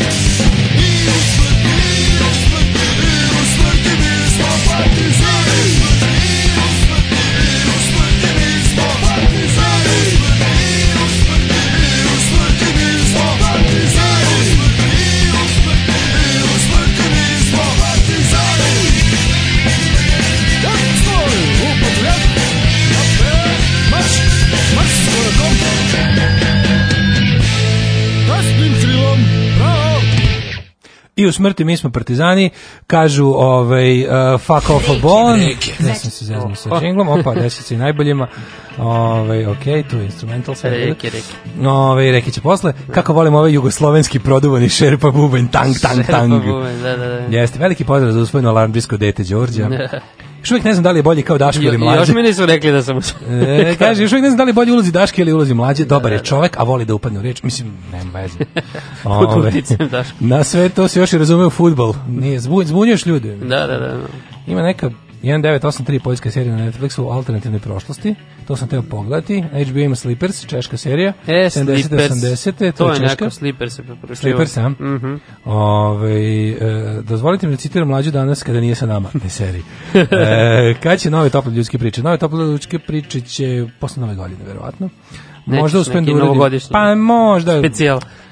Jurim nekog, baš kako bi volao da teško, mislim, znaš šta, hoću da ljudi dolaze ovde da to rade, neću Mhm. da ih da nosim nekakav Negde, snimač da, negde, to mi nije to, Da. nego mi je lepo da dođu sednu ovde i da, Pa da. ovaj, pa mi je zato malo problem što ono kao ako nisu iz Novog Sada ili ako nisu često u Novom Sadu, onda baš moram da... Što ne zoveš tišmicu? Ma imam ja super razne ideje, nego ovaj, imam ja super ideje, nego sve su neke teško za realizovati. Van, van grada. Da. Ovaj kaže ovog, da nije serija Čopor ta poljska. Ne, mislim da je Slippers baš. To što je rekao da je, ako je Češka, ok, to je slično šta. Da. Ovaj em, da ti ja kažem. Mhm. Serija Šta si General. gledao? Šta si gledao? Serija General. Ti znaš da smo jugoslovenski jutarnji program. Da. Da, pokrivamo jure to je područje. Ali ja nemam hrt, to je problem. Kako nemaš hrt? Nemam, ja sam na ovoj režimskoj eh, televiziji, nema ni Mislim, N1, jebavati ni da ne- ništa. Da. Stvarno, ne daju ni, oni baš stvarno to tako ocekli. Da, nemaš ni N1, ni novo. Ne možeš da vidiš ništa što nije Vučić, ono kao što... Pa, ništa, da. Stvarno? Pa, Znači, bukvalno recimo, to ništa. nije nikad bilo. Aj sad da se ne nalazimo, to nikad nije bilo. Ja, mislim da nikad nije bilo ovako okej, podeljeno. da. Milošević bi to verovatno uradio da je mogao, ali u ono vreme je ono kao te, antena, televizijske antene, si mogao da okreneš da vidiš. ono, Mhm. Da vidim, ili da. da odeš u vid na vikendicu. Studio B. Nešto. Da. Znači ovo je baš ono s, ovo oduzimanjem mogućnosti. Znači ti nemaš hrt, da. nemaš hrt E, uopšte. Telekom to nema ništa, ništa. Zajebavaš. Pozmi, što bi te sad. Ju, ju, ju. Dobro, uglavnom ja sam gledao na YouTube. Uglavnom ja sam gledao na YouTube, tako da... Da, svejedno. Mislim da će to pokušati u narednih pet godina isto da nam ograniče i ono ako budu našli način, a u saradnji Internet. s kinezima, mislim, ovaj toliko se slizavaju Da, da, s da. kinezima, da će pokušati da nam ograniče sadržaj i da, da će to biti varijanta sve kao ono, ovaj sadržaj nije dostupan u vašoj zemlji, će da će da nam provuku to kao priču o copyrightu, da, nam, da nam zatvoreš malo oči. Krušik, da, ne možete da googlate. Ne možete googlati Krušik not available in your country zato što je baš jedna francuska kompanija otkupila pravo na sadržaj u Krušiku Da, da. na internetu. Ovaj uglavnom ja sam na YouTubeu svakako ovo gledao, ne znam da li uopšte na zvaničnom HRT. I piše, evo, juče bila channel. premijera, da. Ja, majko, mila. Mislim, film je prošao bioskopsku. To, Znaš, to, to. To je film koji je, da, znači, To je serija od filma kao produžena. film General koji je u isto vreme debitovao je na festivalu u Puli gde je dobio mazanje govnim od strane Mm. publike. Znaš, ono, film je, pa taj film zaslužuje u svakom slučaju umetničko đubre koje je ono, apsolutno, slu, mislim, najjeftiniji komad nacionalističke državne propagande režimske u njihovom slučaju. Ovaj, i, i jednog tog ono smrljivog narativa o, s- znaš, svetinje domovinskog rata neupitnog moralnog olimpa u kom su svi učesnici bili apsolutni ono mo- moralni čistunci koji to je bio jedan potpuno čist suza Da, oslobodilački rad bez ikakvog ono Da, da. bez gotovo da jedva da je bilo nacionalističkih motiva a kamoli nečeg daljeg ono znaš jedna čistoća čista u kojoj se romantizam. u kojoj se se tačno zna ko je loše ko je dobar a ko je dobar te je dobar u pičku materinu Da. a loši su čudovišta Čekaj, ne znam da svi znaju, znači seriju Anti Gotovini. Serija o Anti Gotovini da je general na, na osnovu filma, film je ono, znaš, Hrvatska, Hrvatska država od osamostaljenja ima nekoliko tih um, kako da ih nazovem, pa državnih projekata u filmskom domenu. Mhm. Gde je ono kao, znaš, ugaoni kameni ovaj, hrvatske te, filmske državnosti su ti ono, abortusi poput četveroreda, ne znam, ono, duge mračne noći Da, da. i ne znam kako drugo još postoji. Kratka svetla. Da. I, i, on, I sada, recimo, posle dugo vremena je, izašao novi domoljubni film, E. ono, ultra domoljubni, to je general. Anton Vrdoljak je Pa naravno, iza svih... sam intervju nema, s njim Nema pomije, povodom. nema pomije da je on nije ispovraćao. Da, on je ti- bio da, direktor televizije. Jeste bio Vrdoljak. 90. Mislim, to je znaš, ono, jedna duga istorija beščašća, sisanje budžeta i ono svega. Znaš, ne znam tačno čime bih to uporedio u Srbiji, ali recimo da je po, po este- kako ti kažem, mislim, ne, nema, nije u redu reći da je to kao neki Radoš Bajić, ali je Radoš Bajića stoji u smislu da je tako jadno, da je tako Da, trash. da, dobro, ipak modernije, nije ne? ta, naravno da bolje to izgleda, skuplje je, uverljivije je, manje, znaš, dok recimo Mislim, to jeste i razlika nacionalnih paradigmi koje se furaju. Kod nas je ono ipak naša Radoš Bajić Srbija kakvu želi vlast, to je ta neka seljačka Srbija koja je stara još ono Da, da. ta desničarska priča o čistoći sela i, i po- pogubnosti grada. Hrvatska opet ima taj ono, na, ono naš taj ugrađeni mit domovinskog rata na kome se zida sav nacionalizam. Znači imaju to nešto imaju tu je naš ima- imaju tu sa, imaju e, skoriju i savremenu neupitnu pobedu Mhm. Da, u da. jednom pravom pravcijatom ratu koju mogu onda da ovaj To jeste, ne Srbija moraju da nema. kopaju veliki mora, rat, ne to je I ne moraju da izmišljaju te neke kao, znaš, e, ko mi što ima, kako u Srbiji što imaš ono varijantu, kao sad ćemo mi napraviti neki paprikaš koji jeste u principu antikomunizam plus ono domaćinstvo plus primitivni kapitalizam plus, e, ne znam, tako neki to ono kao konzervativizam u svakom smislu, znaš. I, i, i onda, do, onda dobiješ tako te neke serije o superiornosti sela nad gradom, Da, da. gde već, gde sva ono narativ je taj da ono progres kvari ljude. Da. I da se trebamo okrenuti. E sad general je ono, e to, to, ajde general je- neku scenu, ne mora, mislim, može i da spojleš, nije problem. Ali to je stvarno, znaš, to, to, je, to ono što ja uvijek kažem, kao, nacionalizam je toliko smeće od ideologije, da nemaš šanse da ti uzmeš i napraviš nešto nadahnuto nacionalizmom, a da bude super. To jednostavno nije moguće. Znači, znaš ono, taj etnonacionalizam, Amerika, američki nacionalizam, kad, kad kažeš, znaš, američki nacionalizam može da, da da Ramba, Top Gun, Ramba Skokarda. Znaš, možeš da se naložiš globalno na to zato što nije etnonacionalizam. Pogrešan je, naravno, nakaradan je. Ali ono kao, znaš, ima tu neku ono, znaš, Citirat ću recimo- lika iz tri kartice Hollywooda. Da. Američki film nudi samo plitke sadržaje. Pa da, jeste li ti, ti plitki sadržaj, pa jeste li ti plitki sadržaj korespondiraju sa većinom stanovnika Da, planete jeste, Zemlje? realno, da. Jeste realno, znaš. Dok s druge strane etno-nacionalistički proizvodi, umetnost nadahnuta tim nekim 19. vekovim nacionalizmom, mora da izgleda tako kako izgleda. Mora, jednostavno, to nije moguće. To je to zahteva glupog gledaoca, to zahteva čoveka kome su estetski kriterijumi u podrumu, razumeš? Da. I onda se desi film i serija General, konkretno za, za hrvatskog takvog gledaoca, ali ovo to, ja, ja, ja bih volio to RTS otkupiti. Jesi Ja odgledao da- celu- celu epizodu? Celu prvu epizodu sam i gledat ću do kraja. A šta, kako? Šta sam ravno goru gledao? kako počinje, kaži. Ja gledam sve te sranje, ja gledam moj rođak sa sela, ja gledam, ja sam radašina kad sam mogu uvoditi. Mislim, ja državne projekte ne propuštam. Aha, Meni ti to- ispratiš, dobro. Državni projekti su za mene nekako, Da, da. naš čovek, intelektualac mog kalibra, koji prati Mora da zna socijalne priča, prilike, da. mora da se da gleda to su, znaš. I onda imaš ovoga gene, majko, na prvo, prva epizoda je naravno The Youth of Gotovina. Aha. Prva cijela epizoda, ako, u tri reči. Uh, pakao Jugoslavije, pakao Jugoslavije, religija i i i i i i i i, i poštenje. I pošto... Znači kult ono kao on odrasta. Vas, vaspitanje, da. Znaš ti ko, ali to je takva tankoć. Prva scena, prva scena oni u malom dalmatinskom primorskom mistu, ovaj nešto miner nešto minira Gotovina radoznao kakav ga je Bog stvorio, Da. trči da vidi bo- minu, Da? Majka trči za njim, mina eksplodira, majka padne i pogine, on ostane rano bez. Pogine u mama. tako. Dida mu na sahrani kaže e, Bog je velik, Bog je uzeo majku, ona je oblačić, to, je- znaš koja je patetika? Ona mama je Mama je ona, oblačić. ona mama je obla, on gleda taj oblačić, on onda srasta, u- odrasta u tinejdžera buntovno koji ne može da živi u paklu Jugoslavije, on kroz bure i, i, i nevere mislim na ove Nije bio morske- pankiranje. Ma Nije bio, ne, prerano je bilo, ali on je pokušao toliko puta se domogne slobode i, i demokracije, međutim nije mogao i onda konačno odlazi i odlazi u legiju stranaca. Aha, pa da, gotovo je na 55, to sad googlao, da. A da, mi stari, mlađi od moje keve godine, da. da.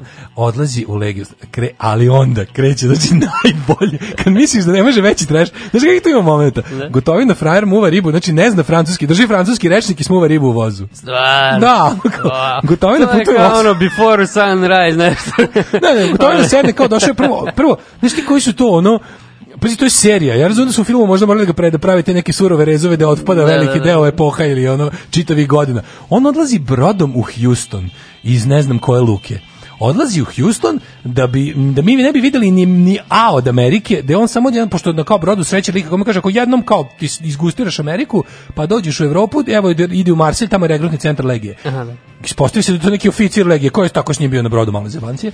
Mislim, sve je onako potpuno realno. I onda on ovaj, dolazi u jednom kao, otišao je brodom u Houston, sledeća scena, on u Marselju se javlja. Od ovo, na- dakle, ono, Houston we have problem. ja. Baš, Houston we have problem with dramaturgija.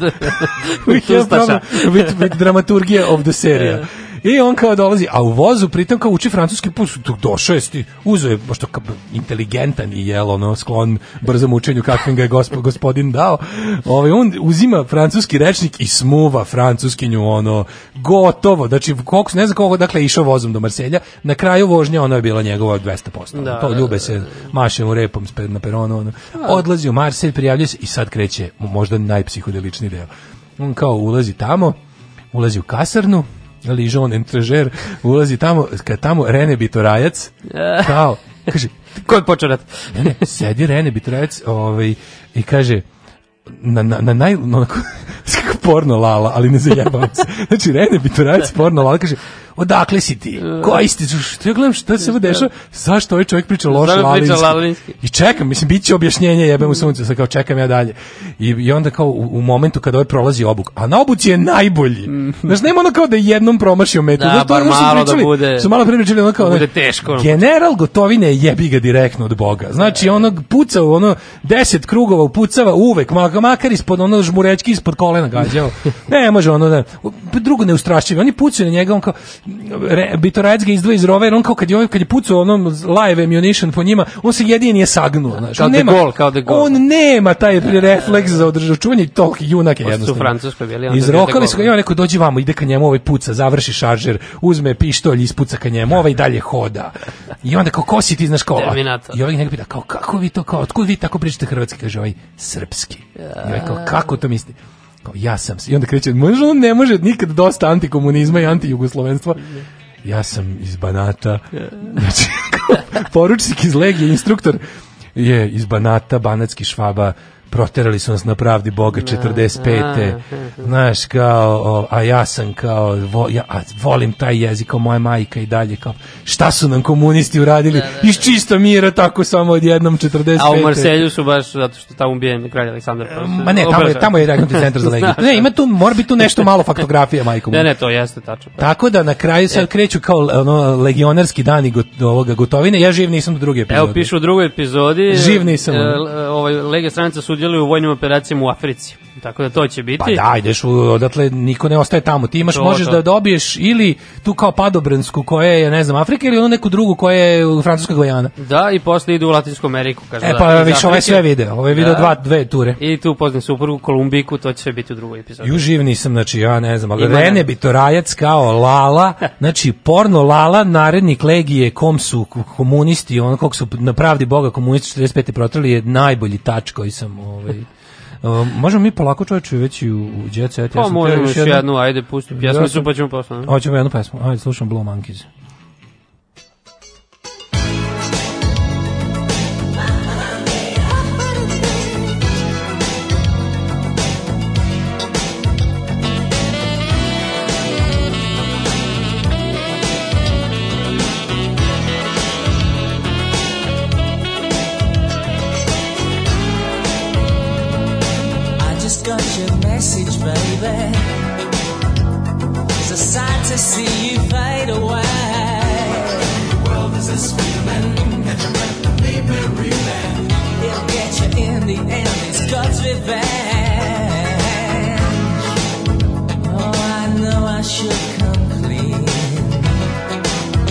But I prefer to deceive.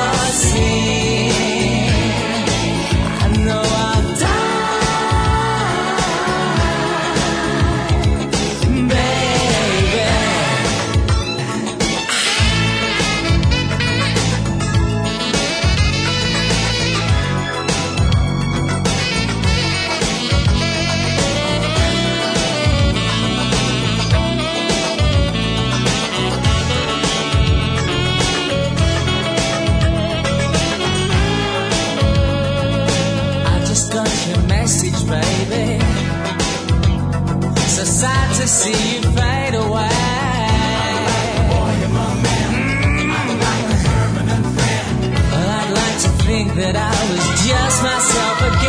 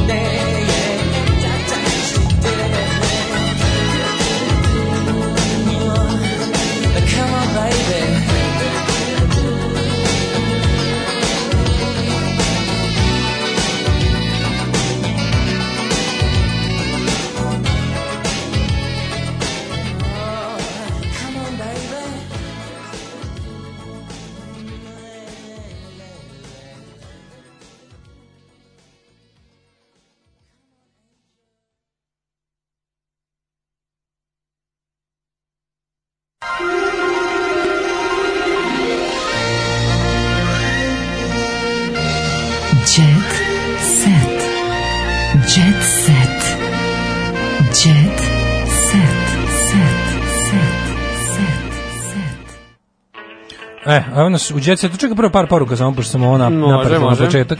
Ovaj, e, hoće li biti u seriji kako je pljačko zlatare po Francuskoj? Su ga navukli neki opasni i zli Jugoslaveni. Ovaj, e, nije to ništa, moj stric ne zna ni reč rumunskog 87. bez rečnika, samo uz pomoć dve konzerve poštete smo u Rumunsku. Molim vas, frajerčina, on je To on, može. obrnuta situacija. Tvoj stric je tamo išao kao čovjek iz bogate zemlje da za paštetu i najlonke pravi ovaj orgije, siromah? a ovaj progonjenik kod je- je- jugokomunističkog režima sa samo rečnikom u ruci slama srca. Da, da. Zamisli da su u budžetu imali za tu francuskinju para da je glumi Selma, Selma Hayek i da je na rastanku kaže ne naginji se kroz prozor ti ne ispadnu si surdač. ne naginji se Salma. Ovaj em, kaže ovako. em, imam SBB i mogu preko javne aplikacije da registrujem pet uređaja koji nisu TV da gledam njihove kanale. E pa ja sam tako gledao Senki na Balkanu, dao mi brat šifru. Probaj da sam onda mogao da gledam. Na laptopu, oni imaju Telekom u IPTV i automatski blokira sve. Da. N1, nova sport klubovi, ništa od toga ne može se gledati. Jebote, kakvi su ono. Znači, može VPN, znači preko VPN bi to Mm. moralo.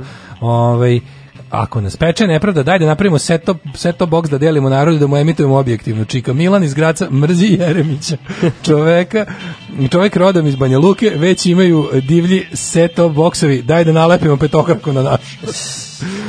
Ove, em, kaže ovako jedan savjet o, mladom e, Đorđu, kad Zoza počne da se poziva na intelektualizam i akademsku doslednost, u tu negde skriven imaš mlađin Frodov plaž za nevidljivosti, navuci ga i pukne. e, ulazimo u jet set, koji, šta ti imaš? u svom- Ja imam imaš bolji Stars, jet set, ja mislim. pa dobro za čolu smo već rekli, e, Koliko je da zaradio? zgrće para je milion i Ali 800 zgrću. Čovječ je zaradio, bre. Ko zaradio? Jebote, šest puta napunio arenu. Šta hoćete? To je neki rekord, piše. To, Nema mu, to nema ne, ne neki rekord, nego to je di rekord, Pa, to neće niko, ono, Prodao 100.000 ulaznica, to su 100.000 dve marakane, ja mislim, tako nešto. 100.000 ulaznica. da, evo. Ne, ne, ne su baš sve prodate, ali neki je prodao 80. Da, dovoljno. A prodao je, brate, mili. To što da ne. Jeste, bilo je tu džabakisa, ali To si- postoje, posto, postoje ti ljudi ovaj, koji ma religije ne dozvoljaju da platite upad na, koncert. na koncert, pa onda moraju. ono. Ima Deja Đurđević, kaže, ekipo stiže kraljica, Deja Đurđević se oporavila i vraća se. Da se ona nije već vratila. Ona je kao njima kraljica. Da. Da čekaj, zar nije već? stiže kraljica. Ko vodi sa Sarapom sad? Nije ona? E, Pa verovatno još neku rehabilitaciju. Neka što liči na nju. A, voditeljka Deja Đurđević nakon višemesečnog odsustva s posla ponovo se vraća na male ekrane. Od četvrtka će ponovo voditi sa kolegom Predragom Satrapom, o čemu je obavestila pratioce na Instagramu. Vraćam se na moj pink. Mhm. Vidimo se u novom jutru. Kaže, ekipo stiže kraljica. A to je ona sama sebi napisala. Aj, dobro je onda. Mislim, jednostavno da nije baš... Mislim baš da nisu... Kao da, fora, da. Pa da, Ekipo u stiže Učićevom stilu. Da, samo Ser Serdar Vojvoduje sama sebi. Da. Ovaj e, koliko su napisali da je Čola zaradio para milion i 800 hiljada evra? Da. Znači 600 po Ja bih volio da je 300 tačno, koncertu. to nažalost nije tačno. Mislim, Pa dobro, možda je to, neke ono, kao nije sve pare. baš i procenat. Može to kao kad se izračuna koliko je to, ali ti... Nije to sve za njega. A naravno da nije. Ma da. Tu je, ima tu sponsor, ima tu koga treba namiriti, ima tu... Ovaj, E, kažem, Maja Marijana Smula, 15 godina mlađeg, znači ima Odlično, nade za ima nas, nade. ali Mi na nekoj utakmici Partizana, tako da ništa. Navio za Partizana, žao mi. ja, to je problem, tako? Da. A ne za radnički iz Niša. Ovaj, Ima 48 ljeta. Kaže Elisavet, E, Elisaveta Orašanin.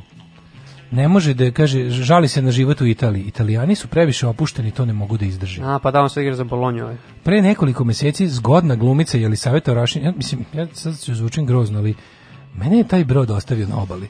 Mislim, ja ne Elisavet- uviđam lepotu i zgodnoću Jelisaveta Ja Orašin. sam tek letos pokvaren, ali ona- kako izgleda, ali... Ali stvarno ne, ali to pretri kako ona kao naša, ne znam, ovo, ono, pa kad je bilo prelepa, naša, za, naša srcelomka, za, uzela, ne.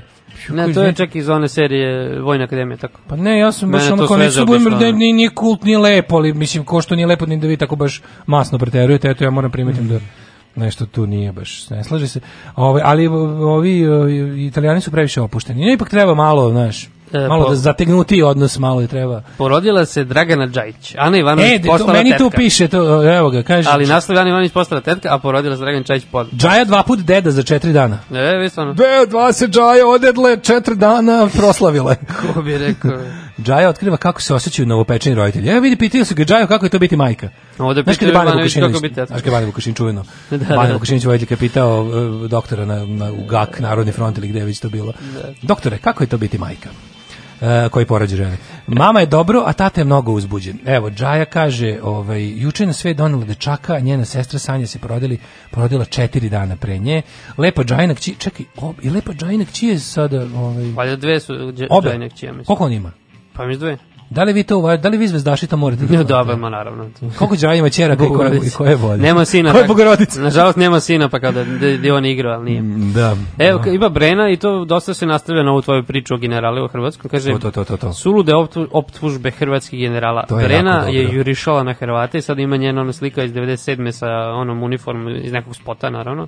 Da, ali to ima nije... dole sa jugoslovenskom zastavom. Čekaj, stani, u, u obrambu Brenima da kažem da to nije ko kad se ceca slikala A, u naravno, ovo je nekako je bila, ne, prvo što je bilo za potrebe dramatizacije spota, a drugo što je to bilo uniforma pa mogu da kažem vojske zvanične, mislim da, nije bila da. Mada uniform- su crvene beretke, vidim. Pa dobro, Ali su izviđači, 97. je, da, izviđači. da, da. Ne, ne, to je bila voj, uniforma vojske Jugos, tada Da, Jugoslavije, da. mislim, one koje već nije to bila ni SRJ. Pa SRJ, da, mislim. Da, je ono Brenu optužiti za nacionalizam i šovinizam bilo koje vrste. Nemojte me zajebavati. Da, i znamo zašto je išlo to jeste bio, to da ne pominjemo. to mislim. jeste bio ono, kako se zove, uh, ono jadan moment u svakom slučaju umetničko i ono sve, neću da sad branim nešto da branim, ali, ali da je ona nacionalistkinja, to stvarno tako nešto reći je E, ono, Brena je Jugoslovenka, jedan svi. kroz jedan. Pa mislim, ona je stvarno, di- di Jugoslovenka. Ti Jugoslovenka. Hej, Jugoslovenka. Ovaj, ali da, bilo je sad to u Zagrebu, imala Ali koncert, pa je... Meni je super što oni pokušaju, znaš šta mi je dobro? Što hrvatski šovinisti su u fazonu kao za njih, oni hoće da jugoslovenstvo ocrne na način da ne postoji jugoslovenstvo koje nije srbočetništvo. Da, da, da, da. I kao, Jugosloven, to je orjunaš, to je ono To- kao, nema to, znaš, kao, to je, A, da, znamo kako to... znaš, kao, ne može biti Jugosloven. Hrvatskog porekla. Da, da. Znaš, ko što sam ja recimo Jugosloven srpskog porekla. Na primjer. Ove, uh, Luna Đogani, Ki svaka čast. Mhm. E, pobednica druge sezone zadruge Lu- Luna Đogani već nekoliko meseci uspešno gradi karijeru pevačice. E, malo mi Kijom, ja mislim da s Kijom nešto nije u redu. E, ima Kija ovde, uh, piše... Kijom nešto ne izgleda zdravo. Kaže, biser dana, plačem samo uz filmove i loše muškarce. Kaže Kija Kockar. E, pa ne znam, samo mi je ovaj, da, nešto mi, ne znam. E, Zori, ko je Zorica Erić? Ko je Zorica Erić? Zorica Erić, ne drogiram se i ne pijem već 18 meseci. Pa zašto, zašto je onda tu? Zašto je u novinama? Čekaj, čekaj, čekaj, čekaj. Ja verovatno ne mogu da zamislim u neki tome, hvala. Bogu, Zorica Erić, učesnica nikad nije kasno. A, Lečila se od narko, to alkoholizma i narkotika. Uš ne bi nikad rekao, vidi kako je nekako neka Da, da, da. Ljena Lašić. Ova Ljena, bože, ova, kako se zove žena od Sinša Kovačevića? Aha, Blagojević. Blagojević. Priznala da se lečila, kada je naglasila da s ponosom kaže da se leči. Majka dvoje dece iz Mrčajevaca. Ujebem ti, jel stiglo alkoholizam i droga do Mrčajevaca? Pa alkoholizam jeste sigurno. Ali droga, ne, droga u selima je veliki problem. Jeste. Kao što možemo da imamo i slučaj Zorice Erić. Da. Kaže ove Zvezde Granda kako su izgledale tada, kako izgledaju sada, pa neprepoznatljivi, e, trostruko Mašavi Darko Lazić, e, sasvim obična devojka Ana Sević, Milica Todorović od devojčurka do atraktivne To, djevojke. to, mi, to, mi, to, to bih ušao u detalje. Tanja Savić od dečačke frizure do zrele žene. A to su oni kao tomboys, kao što je bilo, kao ko je, kako izgledao kad je... Da, ima ono, nekad prve, i sad. Prve pare potrošile na zube i Na silikone. zube i silikone, to je na- Zna se pravilo. Zna- znaju se prioriteti. Izvini, ako je Joe Stramer od prvih para napravio zube. Napravio zube, pa dobro, šta? Mislim, može valjda i Tana Savić da popravi sisu.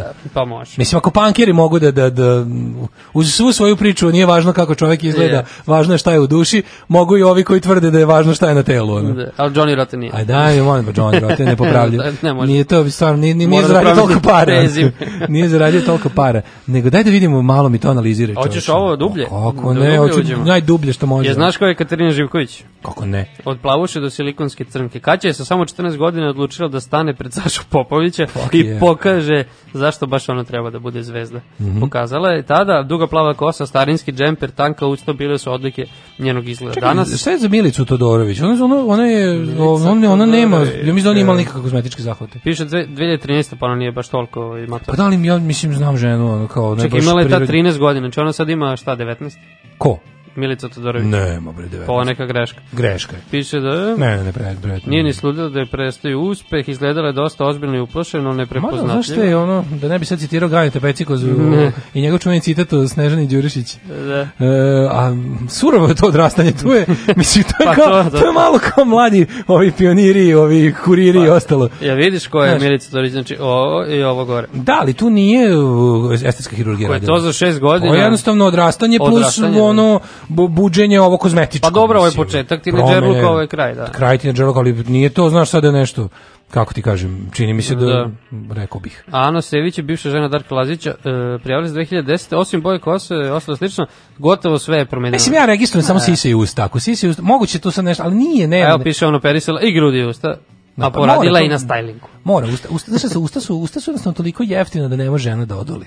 Znaš, ne može folk riba da odoli da buđi usta kad je toliko jeftino. Da. Sise ipak moraš malo da se, sise moraš da, za sise, dobre sise moraš da pevaš godinu dana. Da budu čestite sise, ono, i da, da budu i dobro urađene i velike. A za usta Pa mislim, usta je jedna odradiš jednu. Usta, su, usta se rade u, u prodavnicama, razumiješ? Ono. Mislim, usta se stvarno, to je ono, mislim, ono, ja iz drugog puta bi meni uspelo da nekom lepo napravim. Samo, Ne, rekao, Ja, iz drugog, iz drugog puta i ti ćeš kao da... Pa iz drugog puta ću sebi dobro. Dobro, kad drugi put odradiš stvarno. Od prilike. Ili imaš, ma, mislim, ja nemam više djece. Pa ne, kaže, razvodi se George Clooney i Amal, znak pitanja. Mada George Clooney Dosadio mu je amalni seks. sve više liči na Željka Samrđića ovdje, boga mi, samo malo je Treba mu dati šansu. I to je to, nema više. E, slušali ste ovaj, mene i Đorđeta, da, Daška i Đorđe, za vas koji nas ne poznate. Sutra se čujemo opet, mlade nam je na porodiljskom. Jeste. Pa ćemo ga pustiti do kraja nedelje da uživa. Ovaj, ne znam koliko tu tačno ima uživanja. Ima. ima. Pa- Mislim, spavanja nema, ima uživanja. To, to, to. Da, ovaj, čujemo se sutra. Aj, Ćao. čao. Tekst čitali Mladin Urdarević i Daško Milinović. Ton majstor Richard Merc. Realizacija Slavko Tatić. Urednik programa za mlade Donka Špiček. Alarm! You touch my tra-la-la.